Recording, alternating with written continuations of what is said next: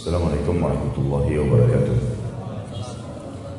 Alhamdulillah, selalu kita memuji Allah Subhanahu wa taala, Zat yang Maha Kuat, Maha Berdiri sendiri, Maha Adil, Maha Bijaksana. Zat yang satu-satunya paling berhak untuk disembah di langit dan di bumi karena memang kata kuncinya la ilaha illallah.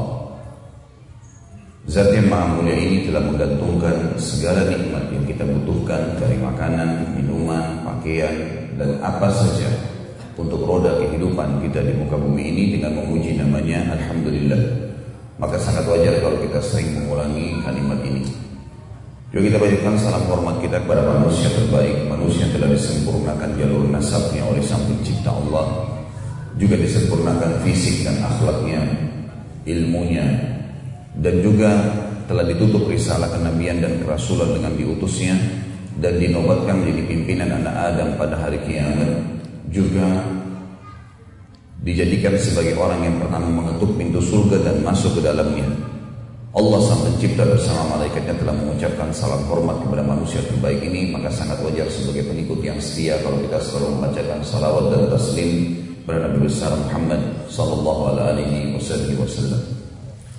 Teman-teman sekalian tentu saja saya pribadi berterima kasih kepada panitia dan teman-teman yang sudah meluangkan waktu untuk mengundang saya dan hadir dalam taklim kita ini. Semoga niat kita ikhlas karena Allah Subhanahu wa taala dan kita sudah tahu-tahu sama-sama tahu kalau ilmu itu memang harus selalu dikejar, ilmu itu harus selalu didatangi dan memang ilmu satu-satunya cara dan tangga untuk mendatangkan keimanan. Dan kalau keimanan ini sudah ada, maka segala sesuatunya berubah. Orang buruk menjadi baik, orang bodoh menjadi pintar, orang penakut, pengecut menjadi pemberani, orang yang pelit jadi dermawan. Segala sesuatu bisa berubah menjadi lebih baik dari sebelumnya. Oleh karena itu menghadiri majelis ilmu dan juga mencarinya adalah perintah dalam agama kita. Teman-teman sekalian, bahasan kita pada pagi ini semoga Allah berkahi. Inilah generasi emas Islam.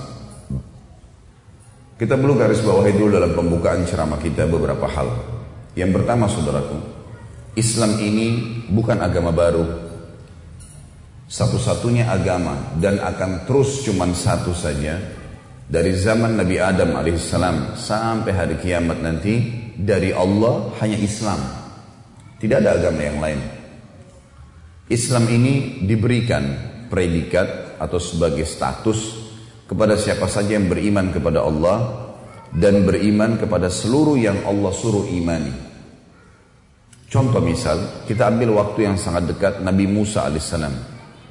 Nabi Musa alaihissalam di zaman beliau lagi berdakwah, siapa pun yang beriman pada risalah beliau dan beriman kepada Allah, tentunya beriman kepada Allah dan risalah beliau dan beriman kepada seluruh yang disuruh imani, termasuk nabi-nabi sebelum dan sesudah, sebelum yang sudah meninggal dan sesudah yang akan datang, Isa, Ayub, Yunus, kemudian juga masuk di antaranya adalah Nabi Muhammad SAW, maka dikatakan orang itu Muslim. Dan kalau dia meninggal dunia, maka akan masuk surga. Begitu pula pada saat Nabi Isa Nabi Isa alaihissalam datang. Semua yang beriman pada Allah di zaman itu beriman pada risalah Nabi Isa alaihissalam. Kemudian juga beriman kepada semua yang diperintahkan dalam syariat Nabi Isa untuk diimani. Nabi-nabi sebelum dan nabi-nabi sesudah Nabi Isa. Di sini masuk Nabi Muhammad SAW maka dikatakan Muslim. Orang-orang ini dikatakan muslim meninggal masuk surga. Dan nanti pada hari kiamat bukan kita sendiri yang masuk surga. Semua orang yang sudah beriman kepada Allah sebelum kita pada masa nabi-nabi mereka ada dikatakan muslim. Ya. Makanya nanti akan ada dari umat-umat sebelum kita juga yang masuk surga bersama kita. Tapi sebel, pada masa nabi mereka ada. Perlu diperlengkap informasi ini Bapak Ibu sekalian. Kenapa kita yang mendapatkan predikat muslim? Kenapa sekarang pengikut Nabi Isa yang dikatakan Nasrani, pengikut Nabi Musa yang dikatakan Yahudi, tidak dikatakan muslim lagi? Karena muslim tadi definisinya adalah semua orang atau siapa saja orang yang beriman kepada Allah secara totalitas sehingga apa pun yang Allah suruh imani termasuk risalah para nabi-nabi, kitab-kitab yang diturunkan, semua lengkap baru dapat predikat muslim. Sekarang kita semua hadir di masjid sini dan semua yang syahadat di muka bumi ini, Semuanya jelas. Kalau kita mengimani Allah sebagai Tuhan dan kita imani semua nabi-nabi. Kalau ada satu orang di antara kita di sini yang hadir mengatakan Isa bukan nabi, muslim atau kafir? Hah? Kafir. Kalau ada di antara anda yang mengatakan Isa bukan nabi, itu kafir. Satu saja nabi kita nolak, maka namanya kafir. Makanya rukun iman kita adalah iman kepada Allah, iman kepada malaikat, iman kepada kitab-kitab, iman kepada rasul-rasul. Dan Allah mengatakan di akhir Al-Baqarah, "A'udzu billahi minasyaitonir rajim, la nufarriqu baina ahadin rusuli." Kami tidak akan beda-bedakan. Orang muslim tidak membedakan antara rasul-rasul, semuanya diimani. Ini sebabnya pendidikan Islam ada pada kita. Dan tidak mengenal suku, Mau dari suku Arab, mau orang bule, mau orang hitam dari Afrika, mau orang Asia, orang Melayu. Selama syahadat sama. Sholatnya sama, puasanya sama, hajinya sama, yang haram semua sama. Babi haram di Indonesia, haram juga di Amerika. Haram juga di negeri Arab. Haram juga di Afrika. Sholat lima waktu, semua sama. Kita ke Afrika, azan duhur sama. Sama dengan sholat duhur di Indonesia. Uduknya sama, hadap kiblat sama, syarat-syaratnya semua sama tutup aurat, hadap kiblat, empat rakaat, semua sama. Kecuali kalau kita bicara lagi hukum musafir, ada hukum, tapi juga berlaku bagi semua yang syahadat. Jadi kita harus tahu teman-teman sekalian, Islam yang sedang kita anut ini bukan agama baru ini. Ini turun temurun memang. Dan memang kalau kata ulama Islam agama itu dari Allah cuma satu, Islam saja. Cuman setiap datang nabi dan rasul, maka Allah memperbaharui syariatnya. Perbaharuan ini harus diikutin. Sisi yang lain teman-teman sekalian, semua nabi-nabi yang diutus sebelum Nabi Muhammad SAW, jumlahnya, semua nabi itu jumlahnya 124 ribu. Di antaranya ada 313 rasul. 124 ribu nabi, di antaranya 313 rasul. Apa bedanya nabi sama rasul?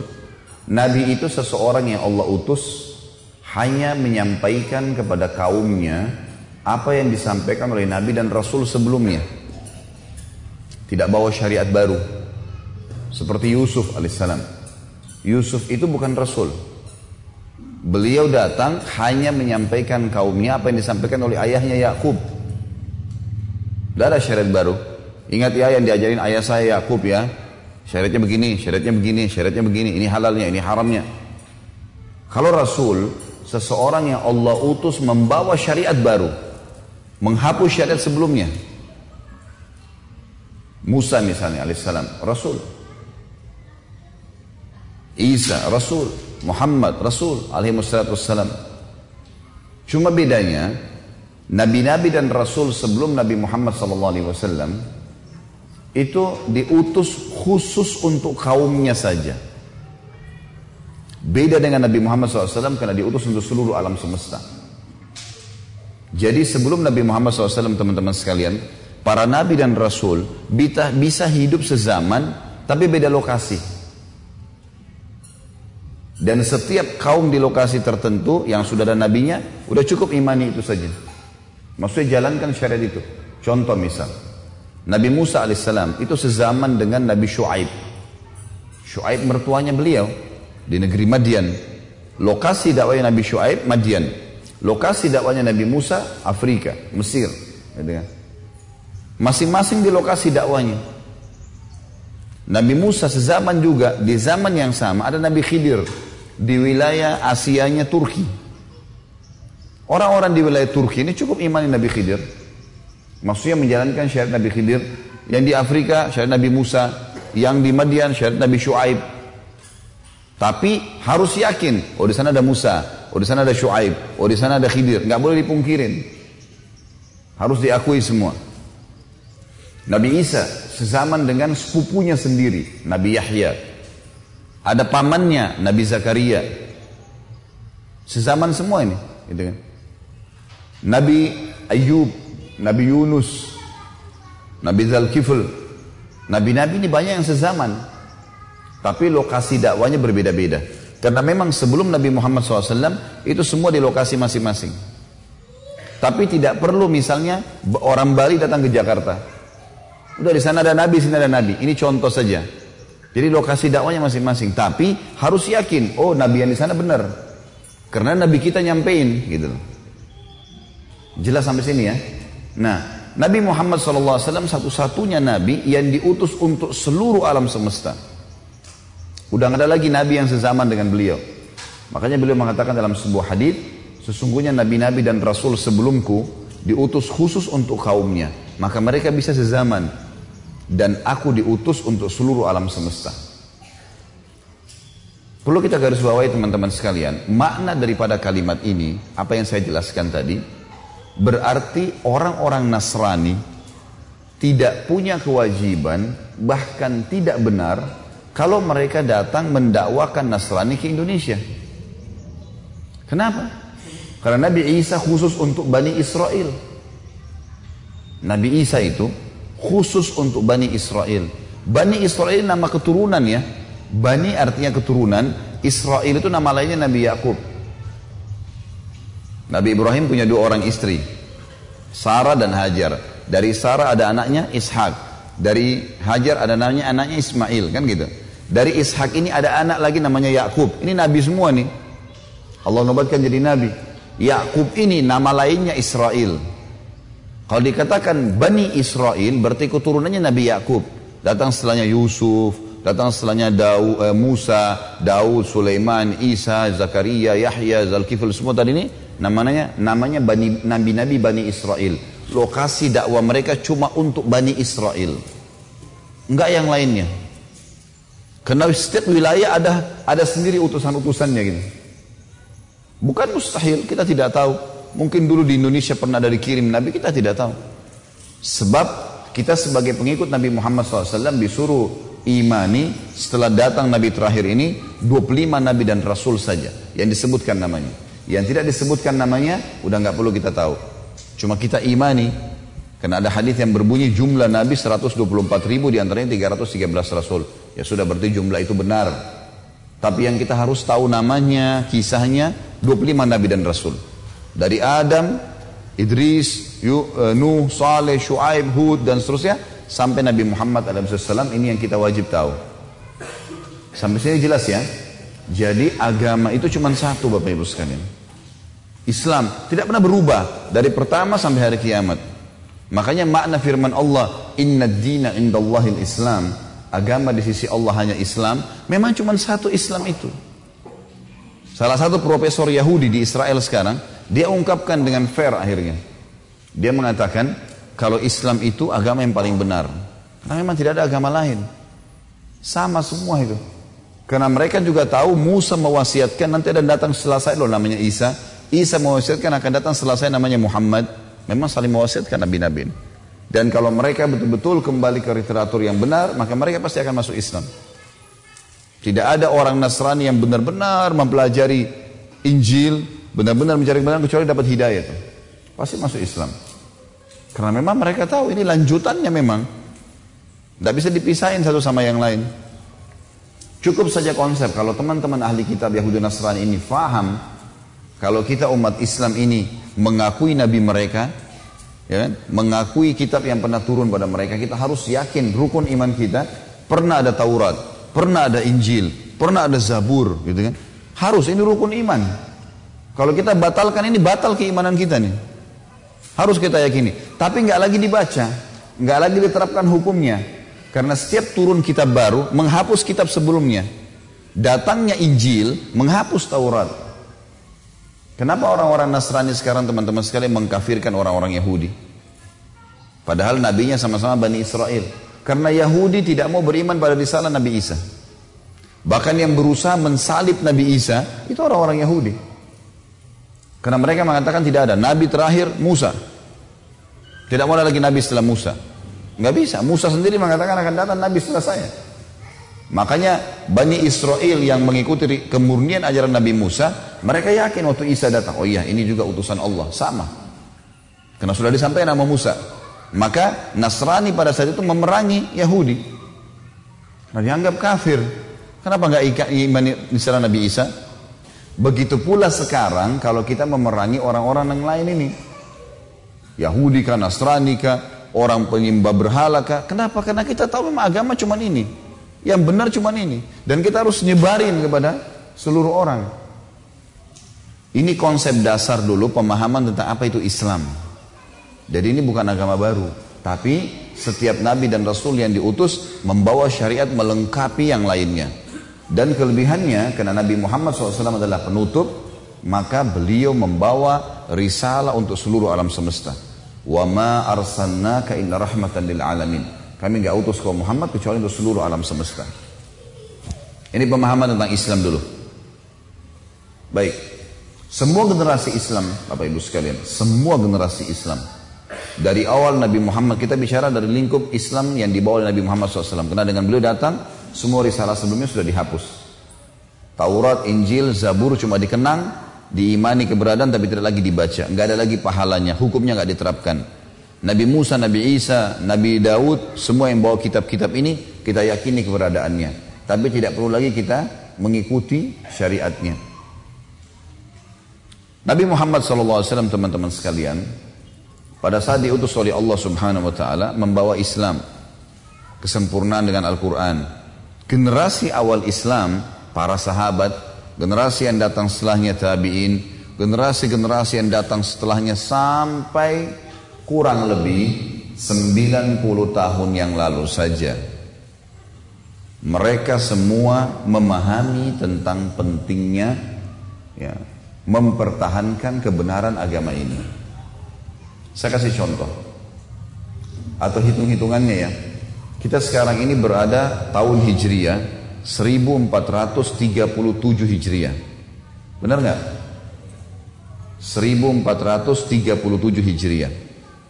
Kita Bapak Ibu sekalian, saya dan Anda dan seluruh umat yang syahadat dari Bani Adam, dari anak Adam, mau orang bule di Amerika sana, mau orang hitam dari Afrika, mau orang Arab Asia Arab atau orang Melayu di Asia Tenggara. Semuanya teman-teman sekalian ini kalau kita faham dan tahu bahwa Islam adalah agama benar akan kita lihat rentetan sejarahnya. Nabi Muhammad SAW untuk pertama hijrah ke Madinah dihitung tahun pertama hijriah. Tahun pertama hijriah, itu kan? Karena hijrah Nabi ke Madinah. Waktu itu teman-teman sekalian kota Madinah masih sangat sederhana. Bangunannya tanah liat. Yang ada cuma kebun-kebun kurma. Tidak ada sistem ekonomi yang rapi, nggak ada peradaban, tidak ada militer yang kuat, biasa. Dan waktu itu kalau kita ibaratkan laptop saya ini kota Madinah misalnya, maka dunia ini misalnya masjid ini, dua sisi dunia ini dikuasai, sisi baratnya Madinah, tepatnya di Asia, Irak, Iran, Afghanistan, Rusia, ini semua dikuasai oleh oleh kerajaan besar namanya Persia. Ini penyembah api, penyembah api. Sisi yang lainnya, timurnya Jazirah Arab, seluruh Afrika, seluruh Eropa dikuasai oleh Bizantium Romawi. Ini beragama Nasrani. Jadi ada dua kekuatan besar waktu Nabi SAW dinobatkan jadi Nabi. Kita hitung saja 10 tahun terakhir Nabi SAW hijrah di Madinah. Ini rintetan historinya ya. Kita masuk ke Madinah. Nah di Madinah mulai tahun 1 Hijriah. Satu Hijriah teman-teman waktu itu Nabi SAW tahu ada negara besar dua ini. Tapi apakah Nabi pernah meminta tolong kepada Persia dan Romawi untuk ngirim satu orang ahli perangnya datang dong ajarin kita di sini? Atau mengutus sahabat ke sana belajar militer sama mereka? Apakah pernah Nabi SAW teman-teman sekalian mengambil sistem ekonomi yang ada di Persia atau di Romawi yang sudah berkembang kerajaan besar mereka sudah punya sistem ekonomi? Enggak pernah. Apakah Nabi SAW, jadi militer nggak pernah, ekonomi nggak pernah. Apakah Nabi SAW pernah mengambil peradaban mereka? Romawi dulu terkenal dengan bangunan-bangunannya. Persia terkenal dengan bangunan-bangunan. Peradaban mereka luar biasa. Tapi Nabi SAW tidak pernah ngambil itu semua. Lalu Nabi SAW apa yang dibangun? Dimulai dari apa? Sekarang kita ini generasi muslim ini. Dimulai dengan kota yang sangat kecil namanya Madinah tidak punya peradaban, tidak punya ekonomi yang sistem ekonomi yang rapi, tidak pernah juga tidak punya juga sistem militer yang kuat. Dari situ landasannya Al-Quran dan Sunnah. Nggak butuh yang lain. 11 tahun, 10 tahun Nabi SAW di Madinah. dari tahun 1 sampai tahun awal tahun 11 Hijriah. Nabi SAW terapkan itu. Dan sebelum beliau meninggal Al-Quran sudah sempurna turun 30 juz. Maka seluruh jazirah Arab waktu itu tunduk. Setelah Nabi SAW bebasin kota Mekah kurang lebih di tahun 8 Hijriah maka seluruh jazirah Arab suku-suku Arab datang mengucapkan syahadat di Madinah. Tunduk semuanya dengan hukum Nabi Shallallahu Alaihi Wasallam. Sampai Allah mengatakan A'udzubillahi minasyaitonir idza jaa nasrullahi wal fath wa ra'aitan nasa yadkhuluna fi dinillahi afwaja fasabbih bihamdi rabbika wastaghfirhu innahu kana tawwaba. Hai Muhammad kemenangan Allah sudah datang pembebasan kota Mekah. Dan pasti kau akan lihat manusia setelah itu berbondong-bondong masuk ke agama Allah. Tugasmu hanya nyampaikan selebihnya bukan urusan kamu maka bertasbihlah kau pada saat itu kepada Tuhanmu dan bertaubatlah kalau punya salah-salah gitu. sesungguhnya dia maha menerima taubat hambanya pada saat itu teman-teman sekalian setelah Nabi SAW meninggal masuklah masa khulafaur rasyidin Abu Bakar, Umar, Uthman dan Ali radhiyallahu anhu ajma'in. Abu Bakar ini berkuasa teman-teman dari tahun 11 sampai tahun 13 Hijriah. Dua tahun saja. Tapi waktu itu wilayah Bahrain sudah masuk wilayah Islam dan pasukan dipimpin oleh Khalid bin Walid diutus oleh Abu Bakar menuju ke negeri Syam, utara Jazirah Arab. Utara Jazirah Arab. Jadi masuk Palestina, Jordania, Lebanon dan Syria. Empat ini dulu adalah basis kekuatan, tembok kekuatan Bizantium Romawi. Maka diutuslah Khalid bin Walid baru mau menyerang meninggal Abu Bakar di tahun 13 Hijriah. Masuklah pimpinan Umar bin Khattab tahun 13 sampai 23. Ini masa keemasan yang luar biasa. 10 tahun Umar bin Khattab berkuasa. Di tahun 15 Hijriah, Umar bin Khattab mengutus Abu Ubaidah bin Jarrah dari Madinah Suruh ganti Khalid bin Walid jadi pemimpin di medan perang yang lagi nunggu. Kamu yang memimpin Hai Abu Ubaidah, Khalid bin Walid jadi wakilmu. Tembus tuh negeri Syam. Masuklah Abu Ubaidah radhiyallahu anhu dan menembus berhasil. Di sini terjadi perang yang sangat terkenal namanya Yarmuk. Perbatasan antara Yordania sama Palestina dan menang kaum muslimin. Perang Yarmuk, perang masa kejayaan yang luar biasa menghadapi pasukan Bizantium Romawi yang jumlahnya sekitar 250 ribu orang dihadapi oleh sahabat-sahabat Nabi yang jumlahnya 12 ribu orang. 12 ribu lawan 250 ribu. Ini luar biasa ini 200 kali lipat. Maka teman-teman sekalian menang di tahun 15 Hijriah Palestina takluk pada saat itu.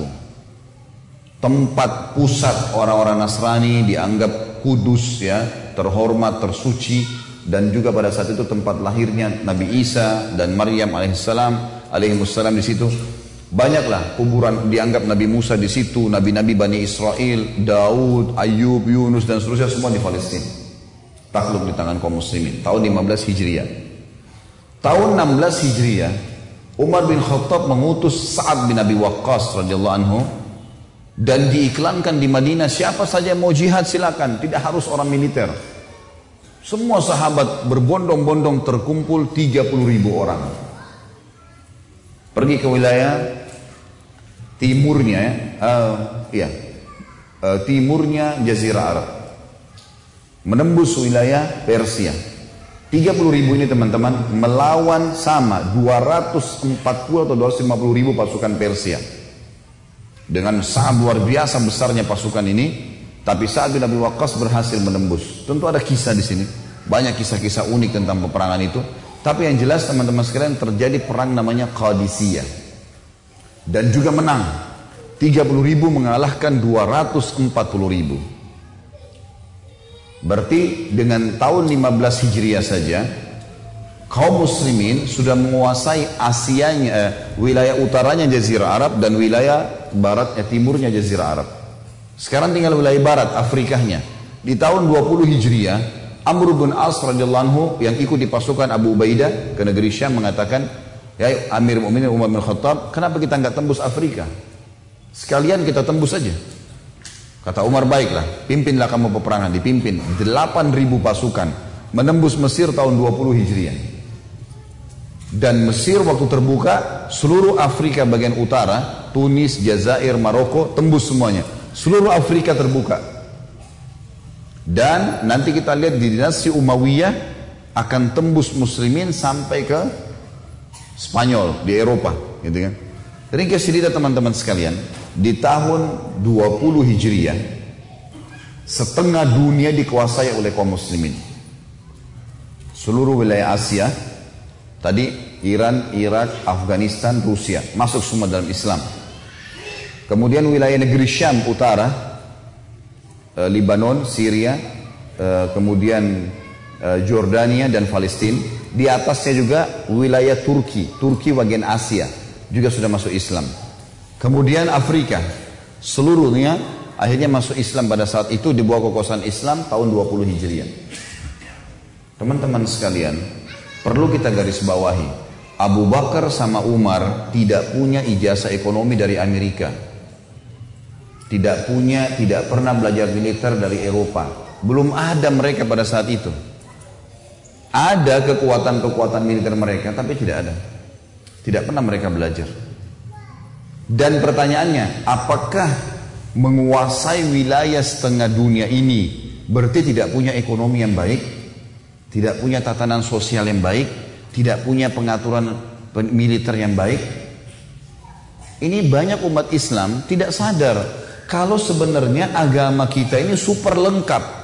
Semuanya ada dan pada saat generasi-generasi awal menerapkan, kita memimpin dunia teman-teman sekalian. Kita rendet lagi sejarahnya. Sudah setengah dunia dikuasain pada saat itu sampai Umar bin Khattab meninggal tahun 23, naiklah Uthman bin Affan dari tahun 23 sampai 37 Hijriah. Utsman bin Affan mulai mengekspansi kapal-kapal perang dan radhiyallahu anhum ajmain Utsman bin Affan ini fokus pengiriman dai-dai. Dan ada beberapa fakta sejarah kalau Islam itu masuk di Indonesia di zaman Utsman bin Affan.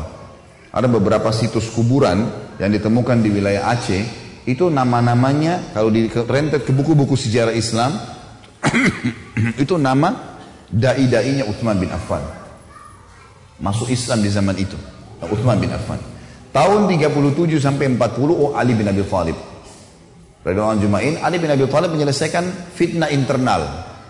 Bagaimana menyelesaikan masalah-masalah internal sampai tahun 40 Hijriah. Setelah itu teman-teman sekalian, berdiri dinasti pertama dalam Islam, kerajaan pertama. Namanya Umayyah dipimpin oleh Muawiyah bin Abi Sufyan radhiyallahu anhu majma'in tahun 40 atau kita katakan 41 sampai 132 Hijriah. Setelah itu datang, ini banyak kiprah-kiprahnya nih. Kemudian datang Abbasiyah. Dinasti Abbasiyah dari tahun 132 Hijriah sampai 656 Hijriah. Di zaman inilah, di zaman Abbasiyah ini dan di zaman Umayyah keluar ulama-ulama besar ya. Di antaranya empat imam madhab, kemudian uh, ke, uh, ke, ke enam uh, perawi-perawi hadis ya. Perawi-perawi hadis dari Bukhari, Muslim, Abu Dawud, Tirmidzi, Ibnu Majah, Nasai. Ini semua keluar di generasi ini. Kemudian teman-teman sekalian, setelah Abbasiyah runtuh tahun 656 Hijriah di tangan suku Tatar dari Mongolia, Berdiri setelah itu ada tiga kerajaan, tapi dua kerajaan yang terakui di dalam sejarah Islam yang satu tidak diakui karena yang satu ini dari kelompok Syiah. Namanya Safawiyah yang sekarang menjadi Iran. Ini berubah dari Safawiyah menjadi Republik Iran sekarang kurang lebih kalau saya tidak salah 1938 Masehi. Kemudian ada berdiri namanya dinasti Mongolia. Ini berdiri di Turki, eh maaf, berdiri di India. di India. Ini berubah sekarang menjadi Pakistan. Dulu India itu semua dikuasai oleh khilafah ini, kerajaan ini. Tapi runtuh setelah itu wilayah-wilayah mayoritas Islam seperti Punjab dan yang lain-lainnya terbentuk wilayah-wilayah maka terbentuklah nama Pakistan, nama kota-kota atau wilayah-wilayah yang mayoritas muslim menjadi negara Islam. India sisanya tetap dengan agama mereka. Itu juga kalau tidak salah, kalau tidak tertukar sekitar 1928 atau 1938. Yang kita ingin beratkan dinasti terbesar, yaitu Uthmaniyah. Uthmaniyah ini teman-teman yang ada di Turki, itu berdiri tahun 670 Hijriah sampai 1335. 1335. Kita sekarang 1437. Kalau kita kurang, tahun kita sekarang 1437 sampai masa kejayaan terakhir Utsmaniyah 1335 kurang lebih 92 tahun saja yang lalu. 92 tahun yang lalu saja umat Islam tidak menguasai dunia. Hanya itu. Sebelumnya kita luar biasa kiprahnya umat Islam ini. Utsmaniyah itu teman-teman sekalian seluruh wilayah Islam itu dikuasai sama dia. Termasuk Indonesia dulu, kita punya ada kesultanan banyak. Ada kesultanan Tidore di di mana? Di daerah Maluku, ada eh, kerajaan Aceh, ada Sultan Hasanuddin dan Alauddin ayahnya di Makassar, ada eh, Sultan Banten ya kerajaan Banten. Semua ini mereka rujuk kepada Uthmaniyah. Mereka semuanya ya kembali ke sana anggap ada khalifah di sana dan mereka dianggap sebagai gubernur-gubernurnya. Walaupun di Indonesia dianggap sebagai raja-raja gitu. Jadi kekuatan Islam sangat luar biasa. Gitu. Dan ini semua teman-teman karena kasuistiknya adalah mereka kembali kepada Al-Quran dan Sunnah. Maksudnya adalah masih menjadikan Islam Al-Quran sebagai landasannya. Tentu dengan ada kelebihan dan kekurangan. Setiap orang pasti punya kelebihan dan kekurangan. Di antaranya kerajaan-kerajaan ini juga punya banyak kekurangan, tapi juga punya banyak kelebihan. Cuman yang kita perlu tahu teman-teman sekalian, sampai pada tahun 1924 Masehi, waktu Turki mulai mengubah khilafah Islamiyah mereka menjadi ya diubah menjadi republika, sudah mulai pakai sistem mengekor sama orang non muslim sama Indonesia dari Republika ngekor sama Belanda, Malaysia ngekor sama uh, Inggris, Afrika, Mesir, Tunis, Jazair, Maroko ngekor sama Perancis. Akhirnya di bawah jajahan mereka-mereka ini. Dan umat Islam meninggalkan agamanya. Jadi landasan negaranya sudah bukan lagi Islam. Ekonominya sudah ekonomi yang bukan Islam lagi. Ya. Sudah luar biasa ekonomi mereka. Ekonominya sudah pakai sistem kapitalisme lah, sistem uh, apa namanya uh, beberapa sistem yang sekarang berputar ya berjalan. Kemudian kita lihat juga uh, sistem kenegaraan sudah bukan lagi hukum pemerintahan Islam, tidak ada lagi kisos ya. Semuanya hukum-hukum cuma di penjara, orang boleh sogok keluar dan dan seterusnya, hukum-hukum manusia. Pada saat Turki mengubah itu teman-teman sekalian, di tangan seseorang yang disayangkan sekali, banyak umat Islam mempelajari di sekolah-sekolah mereka seakan-akan orang ini tokoh Islam. Padahal orang ini pengaco ini, gitu kan. Kamal Ataturk. Kamal Ataturk ini dia yang mengubah, menghapus khilafah menjadi republika. Dan semenjak itu dihapus, maka yang terjadi adalah Turki menjadi negara terpuruk di dunia nomor 100 sekian. Terburuk. Dulunya memimpin dunia. Sampai teman-teman sekalian, orang-orang masih ada manuskrip para pendeta dan pastor di Eropa, mereka mengatakan di mimbar-mimbar mereka, kami takut dengan perkembangan generasi muda kami. Orang-orang Eropa, anak-anak muda kayak anda-anda, anak-anak muda misalnya, yang sekarang banyak berkiblat dengan orang-orang non-muslim. Dulu, ini baru 90 tahun yang lalu saja para pastor dan pendeta mereka mengatakan kami khawatir dengan generasi muda kami karena semuanya mereka mengikuti cara hidupnya umat Islam. Makannya, pakaiannya, cara ngomongnya. Bahkan orang-orang non-muslim pada saat itu kalau mau melamar wanita, laki-lakinya bisa bahasa Arab, itu dianggap paling maju. Teknologinya bagus. Maksudnya orang yang berpendidikan. Di Eropa begitu dulu. Saya punya gambarnya, sampai sekarang ada di WhatsApp saya, manuskrip. Dulu teman-teman sekalian, raja-raja Eropa, yang kebetulan ada ini Raja Austria. Masih hitam putih. Ini sudah masuk tahun 1900-an sekian. Gitu kan. Waktu Turki masih dalam zaman khilafah, ratu-ratu Eropa non-muslim semuanya pakai cadar. Semuanya pakai cadar.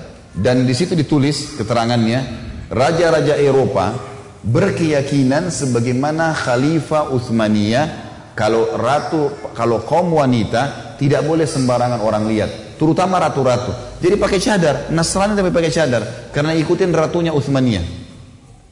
Mereka menciplak hidup kita. Semua pola makannya, pola berbicaranya. Tadi saya bilang sampai kalau bisa bahasa Arab itu luar biasa pada saat itu.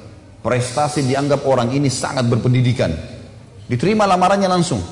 Padahal Nasrani dengan Nasrani gitu. Teman-teman sekalian, pada masa itu, kalau lewat kapal-kapal perangnya Turki, semua gereja tidak berani bunyiin loncengnya. Semua gereja. Itu ada semua tertulis.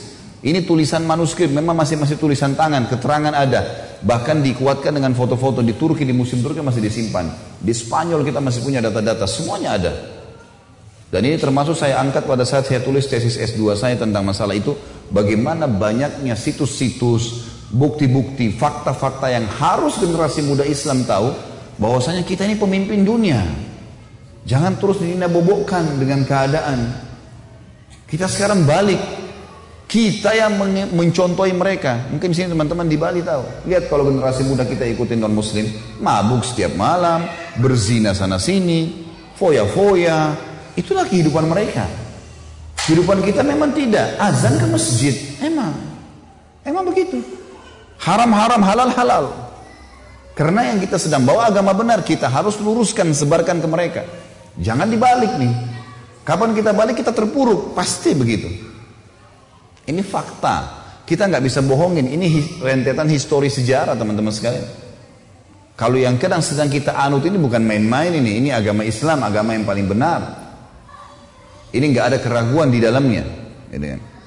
Jadi harus teman-teman yang hadir di sini dan mudah-mudahan juga sampai kepada generasi muda muslim tentang masalah informasi ini, kita nggak boleh nina bobok terus nih. Saya sarankan teman-teman menonton di YouTube ketik Jihad Turbani namanya. Jihad At-Turbani. Ini nama seorang anak muda muslim, umurnya mungkin sekarang 30 32 tahun lah. Orang ini teman-teman sekalian saya tidak tahu secara pribadi ya.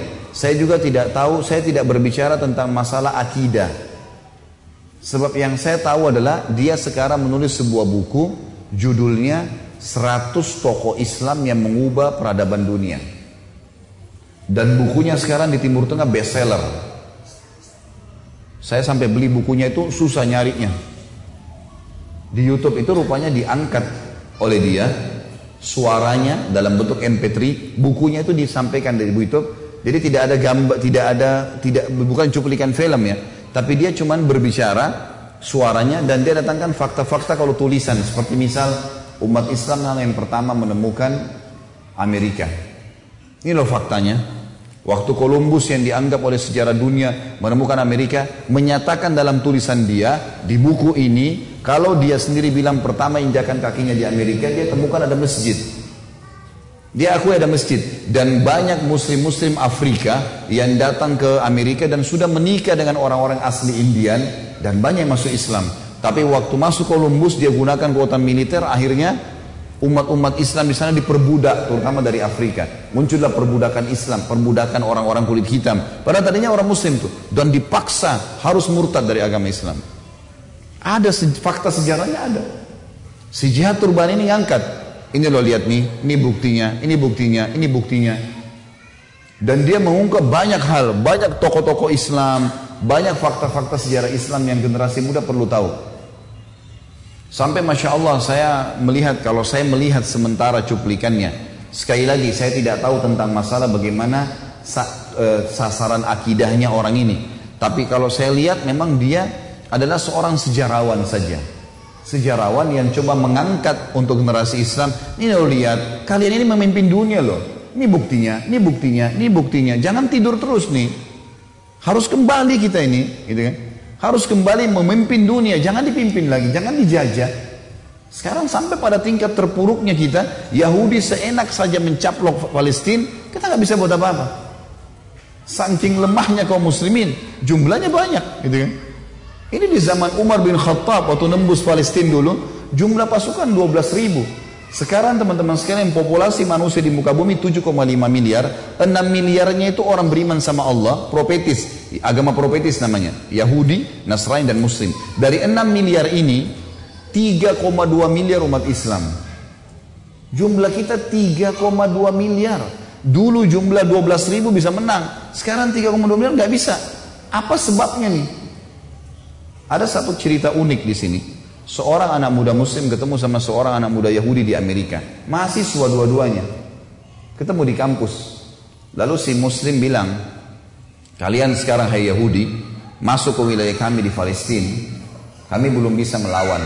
Tapi pasti, pasti akan datang satu zaman nanti kami akan kalahkan kalian. Karena ada hadis Nabi kami, ada hadis Nabi kami yang berbunyi, bahwasanya kami akan memerangi nanti Dajjal sampai ke Palestina dan kami akan menang.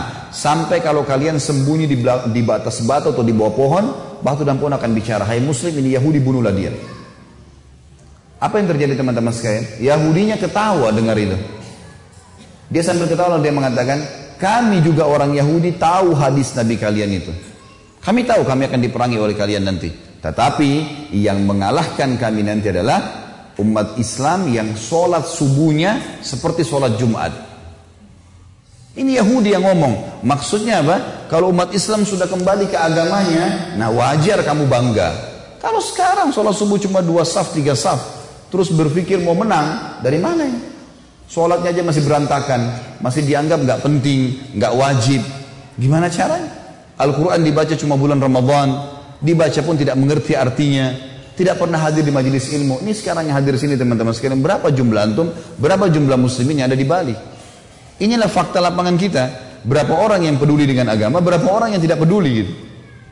Ini lapangannya. Padahal sebenarnya ini kebenaran, agama kita kebenaran.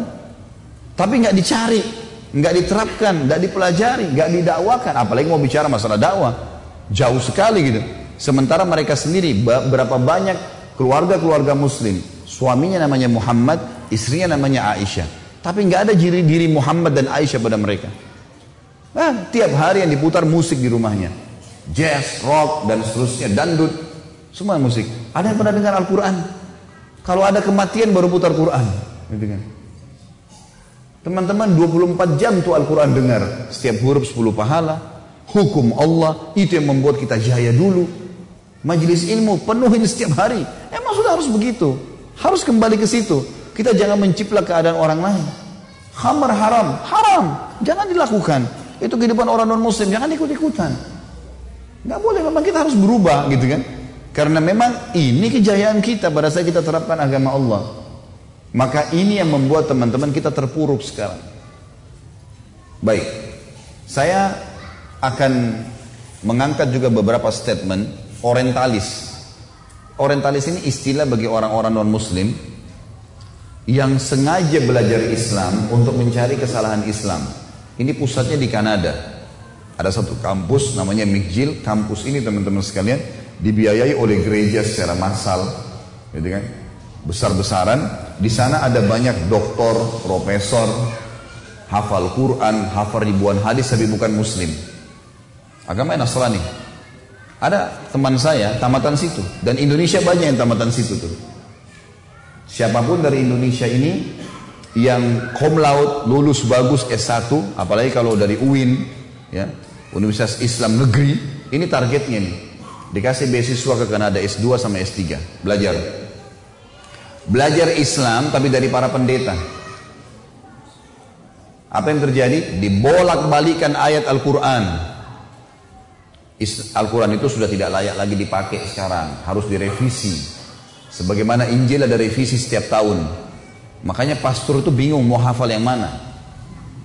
Karena mereka punya setiap tahun keluar revisi baru dari Vatikan. Revisi terbaru, edisi tahun 2015, tahun 2016 keluar revisi baru. Al-Quran tidak ada dari zaman Nabi sampai hari kiamat ya ini ya ini. 30 juz surahnya ayatnya sama semua nggak diubah-ubah. Mereka bilang itu. ini sudah nggak layak, mesti diubah supaya kalian maju. Dimasukin begitu, gitu kan? Ini ada hukum yang salah nih. Kenapa perceraian di tangan laki-laki? Kenapa bukan perempuan? Kenapa perempuan disuruh pakai jilbab? Kenapa? Kenapa? Kenapa? Kenapa syubhat?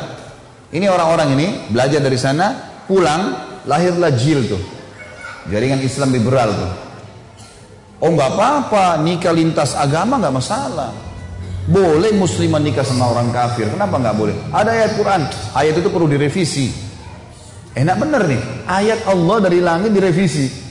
Ribuan tahun umat Islam pertahankan dengan darah dan perjuangan, mereka minta direvisi dalam lima menit. Ini orang nggak masuk akal semuanya, gitu kan? Semua agama benar, bisa masuk surga semuanya. Enak benar. Saya pernah berdialog dengan satu orang, doktor dari UIN, gitu kan? Habis khutbah Jumat, dia khutbah Jumat bahas tentang Al-Baqarah 120. A'udzu billahi minasyaitonir yahud walan nasara hatta tatabi millatahum kalian uh, Allah mengatakan tidak akan pernah Yahudi Nasrani ya ridho sampai kalian mengikuti agama mereka. Agama kamu hai Muhammad dan pengikutmu akan terus dikejar oleh Yahudi Nasrani sampai kalian mengikuti agama mereka.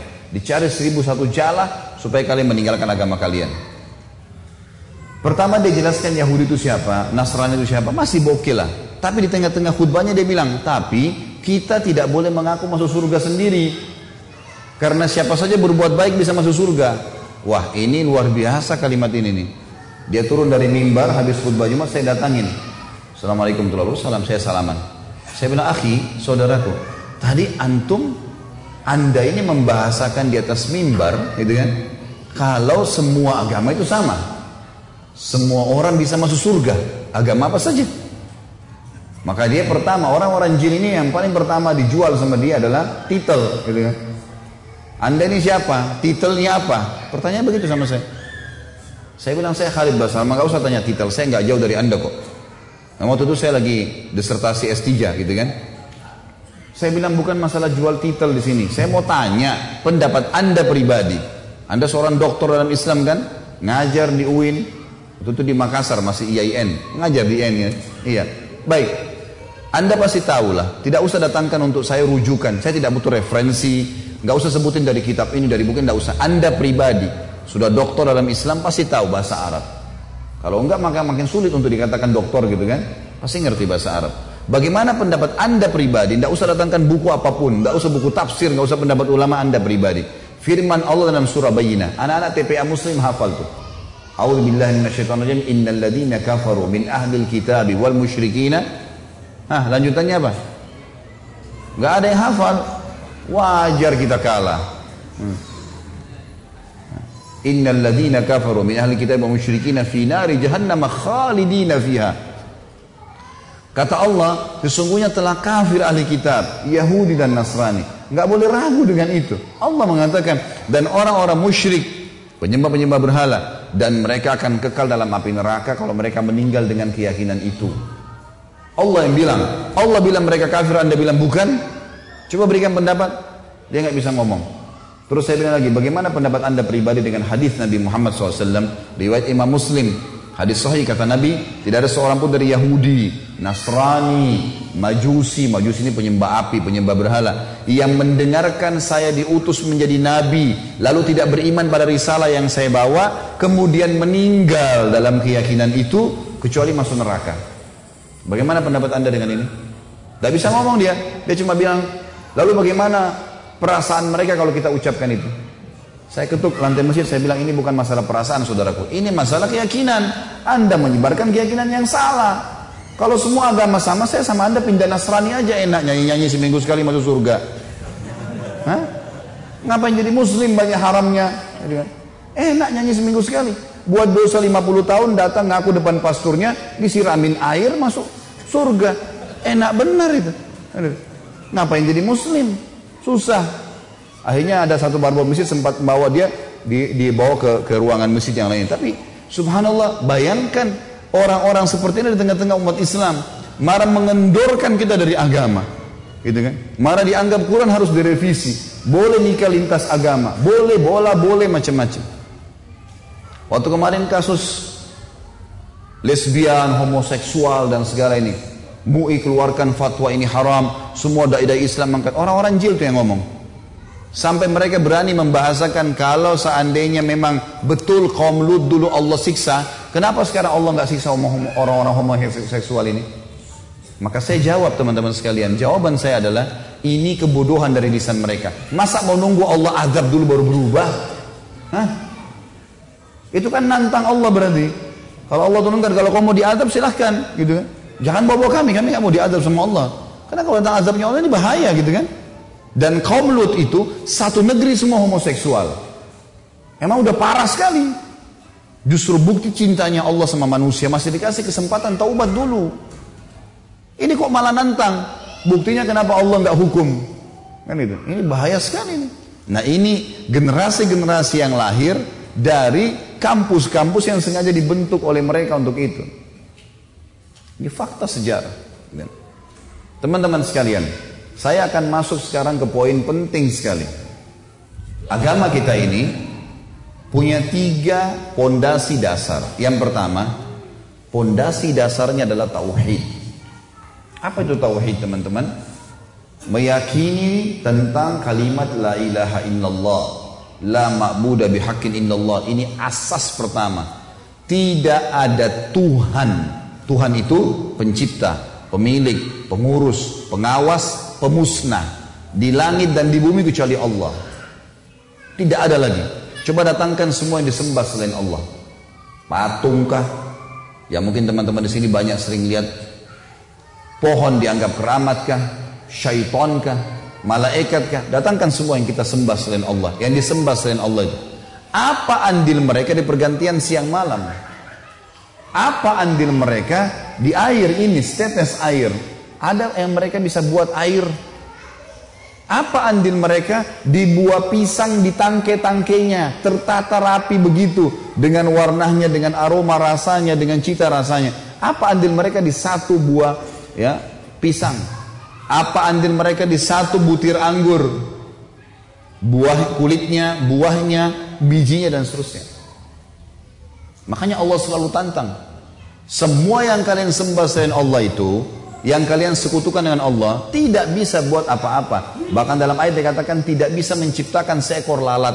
Dan kalau lalat mencuri dari mereka sesuatu, mereka tidak mampu mengambilnya. Kata Allah pada dalam Al-Quran, asas agama kita. Rajim.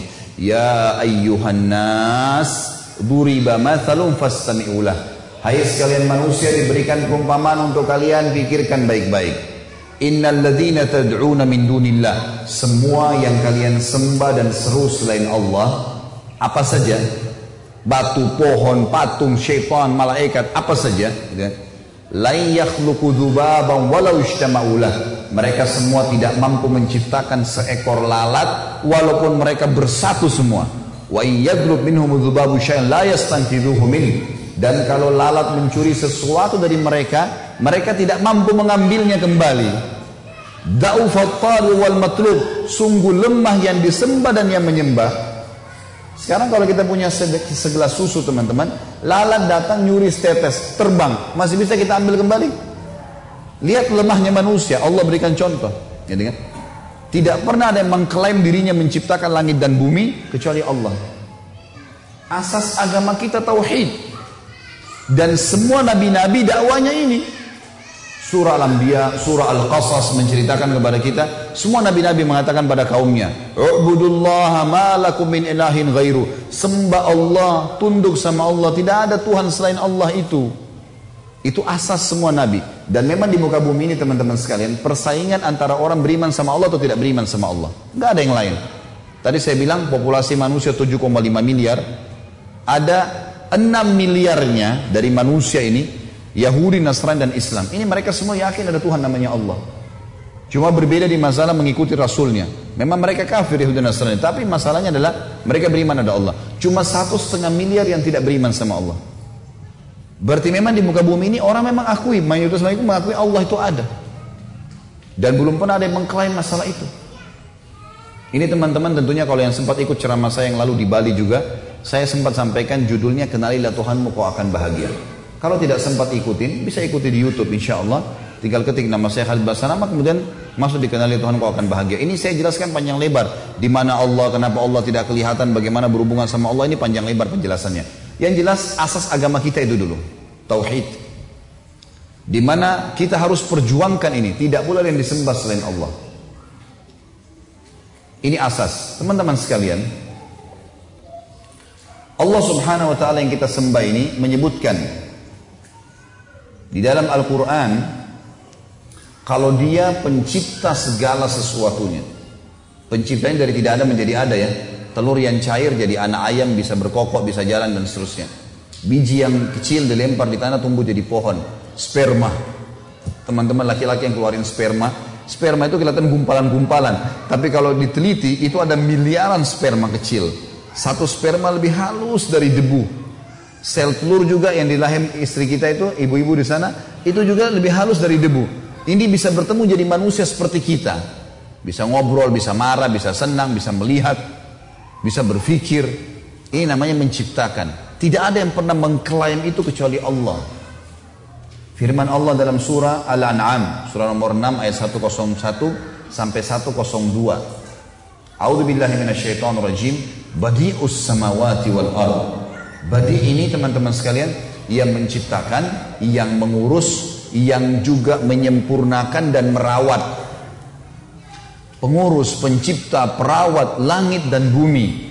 Anna yakunu lahu walad. Bagaimana Allah itu dianggap punya anak? Walam takun lahu sahibah. Sementara dia tidak punya istri. Kalau di alam manusia harus punya pasangan baru bisa punya anak, gitu kan? Perempuan yang mengandung itu. Tidak ada bagi Allah pasangan itu. Wa khalaqa kulla syai.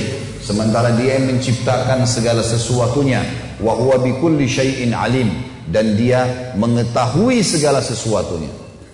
Ayat 101 al-6. 102-nya kata Allah, "Dzalikumullahu rabbukum."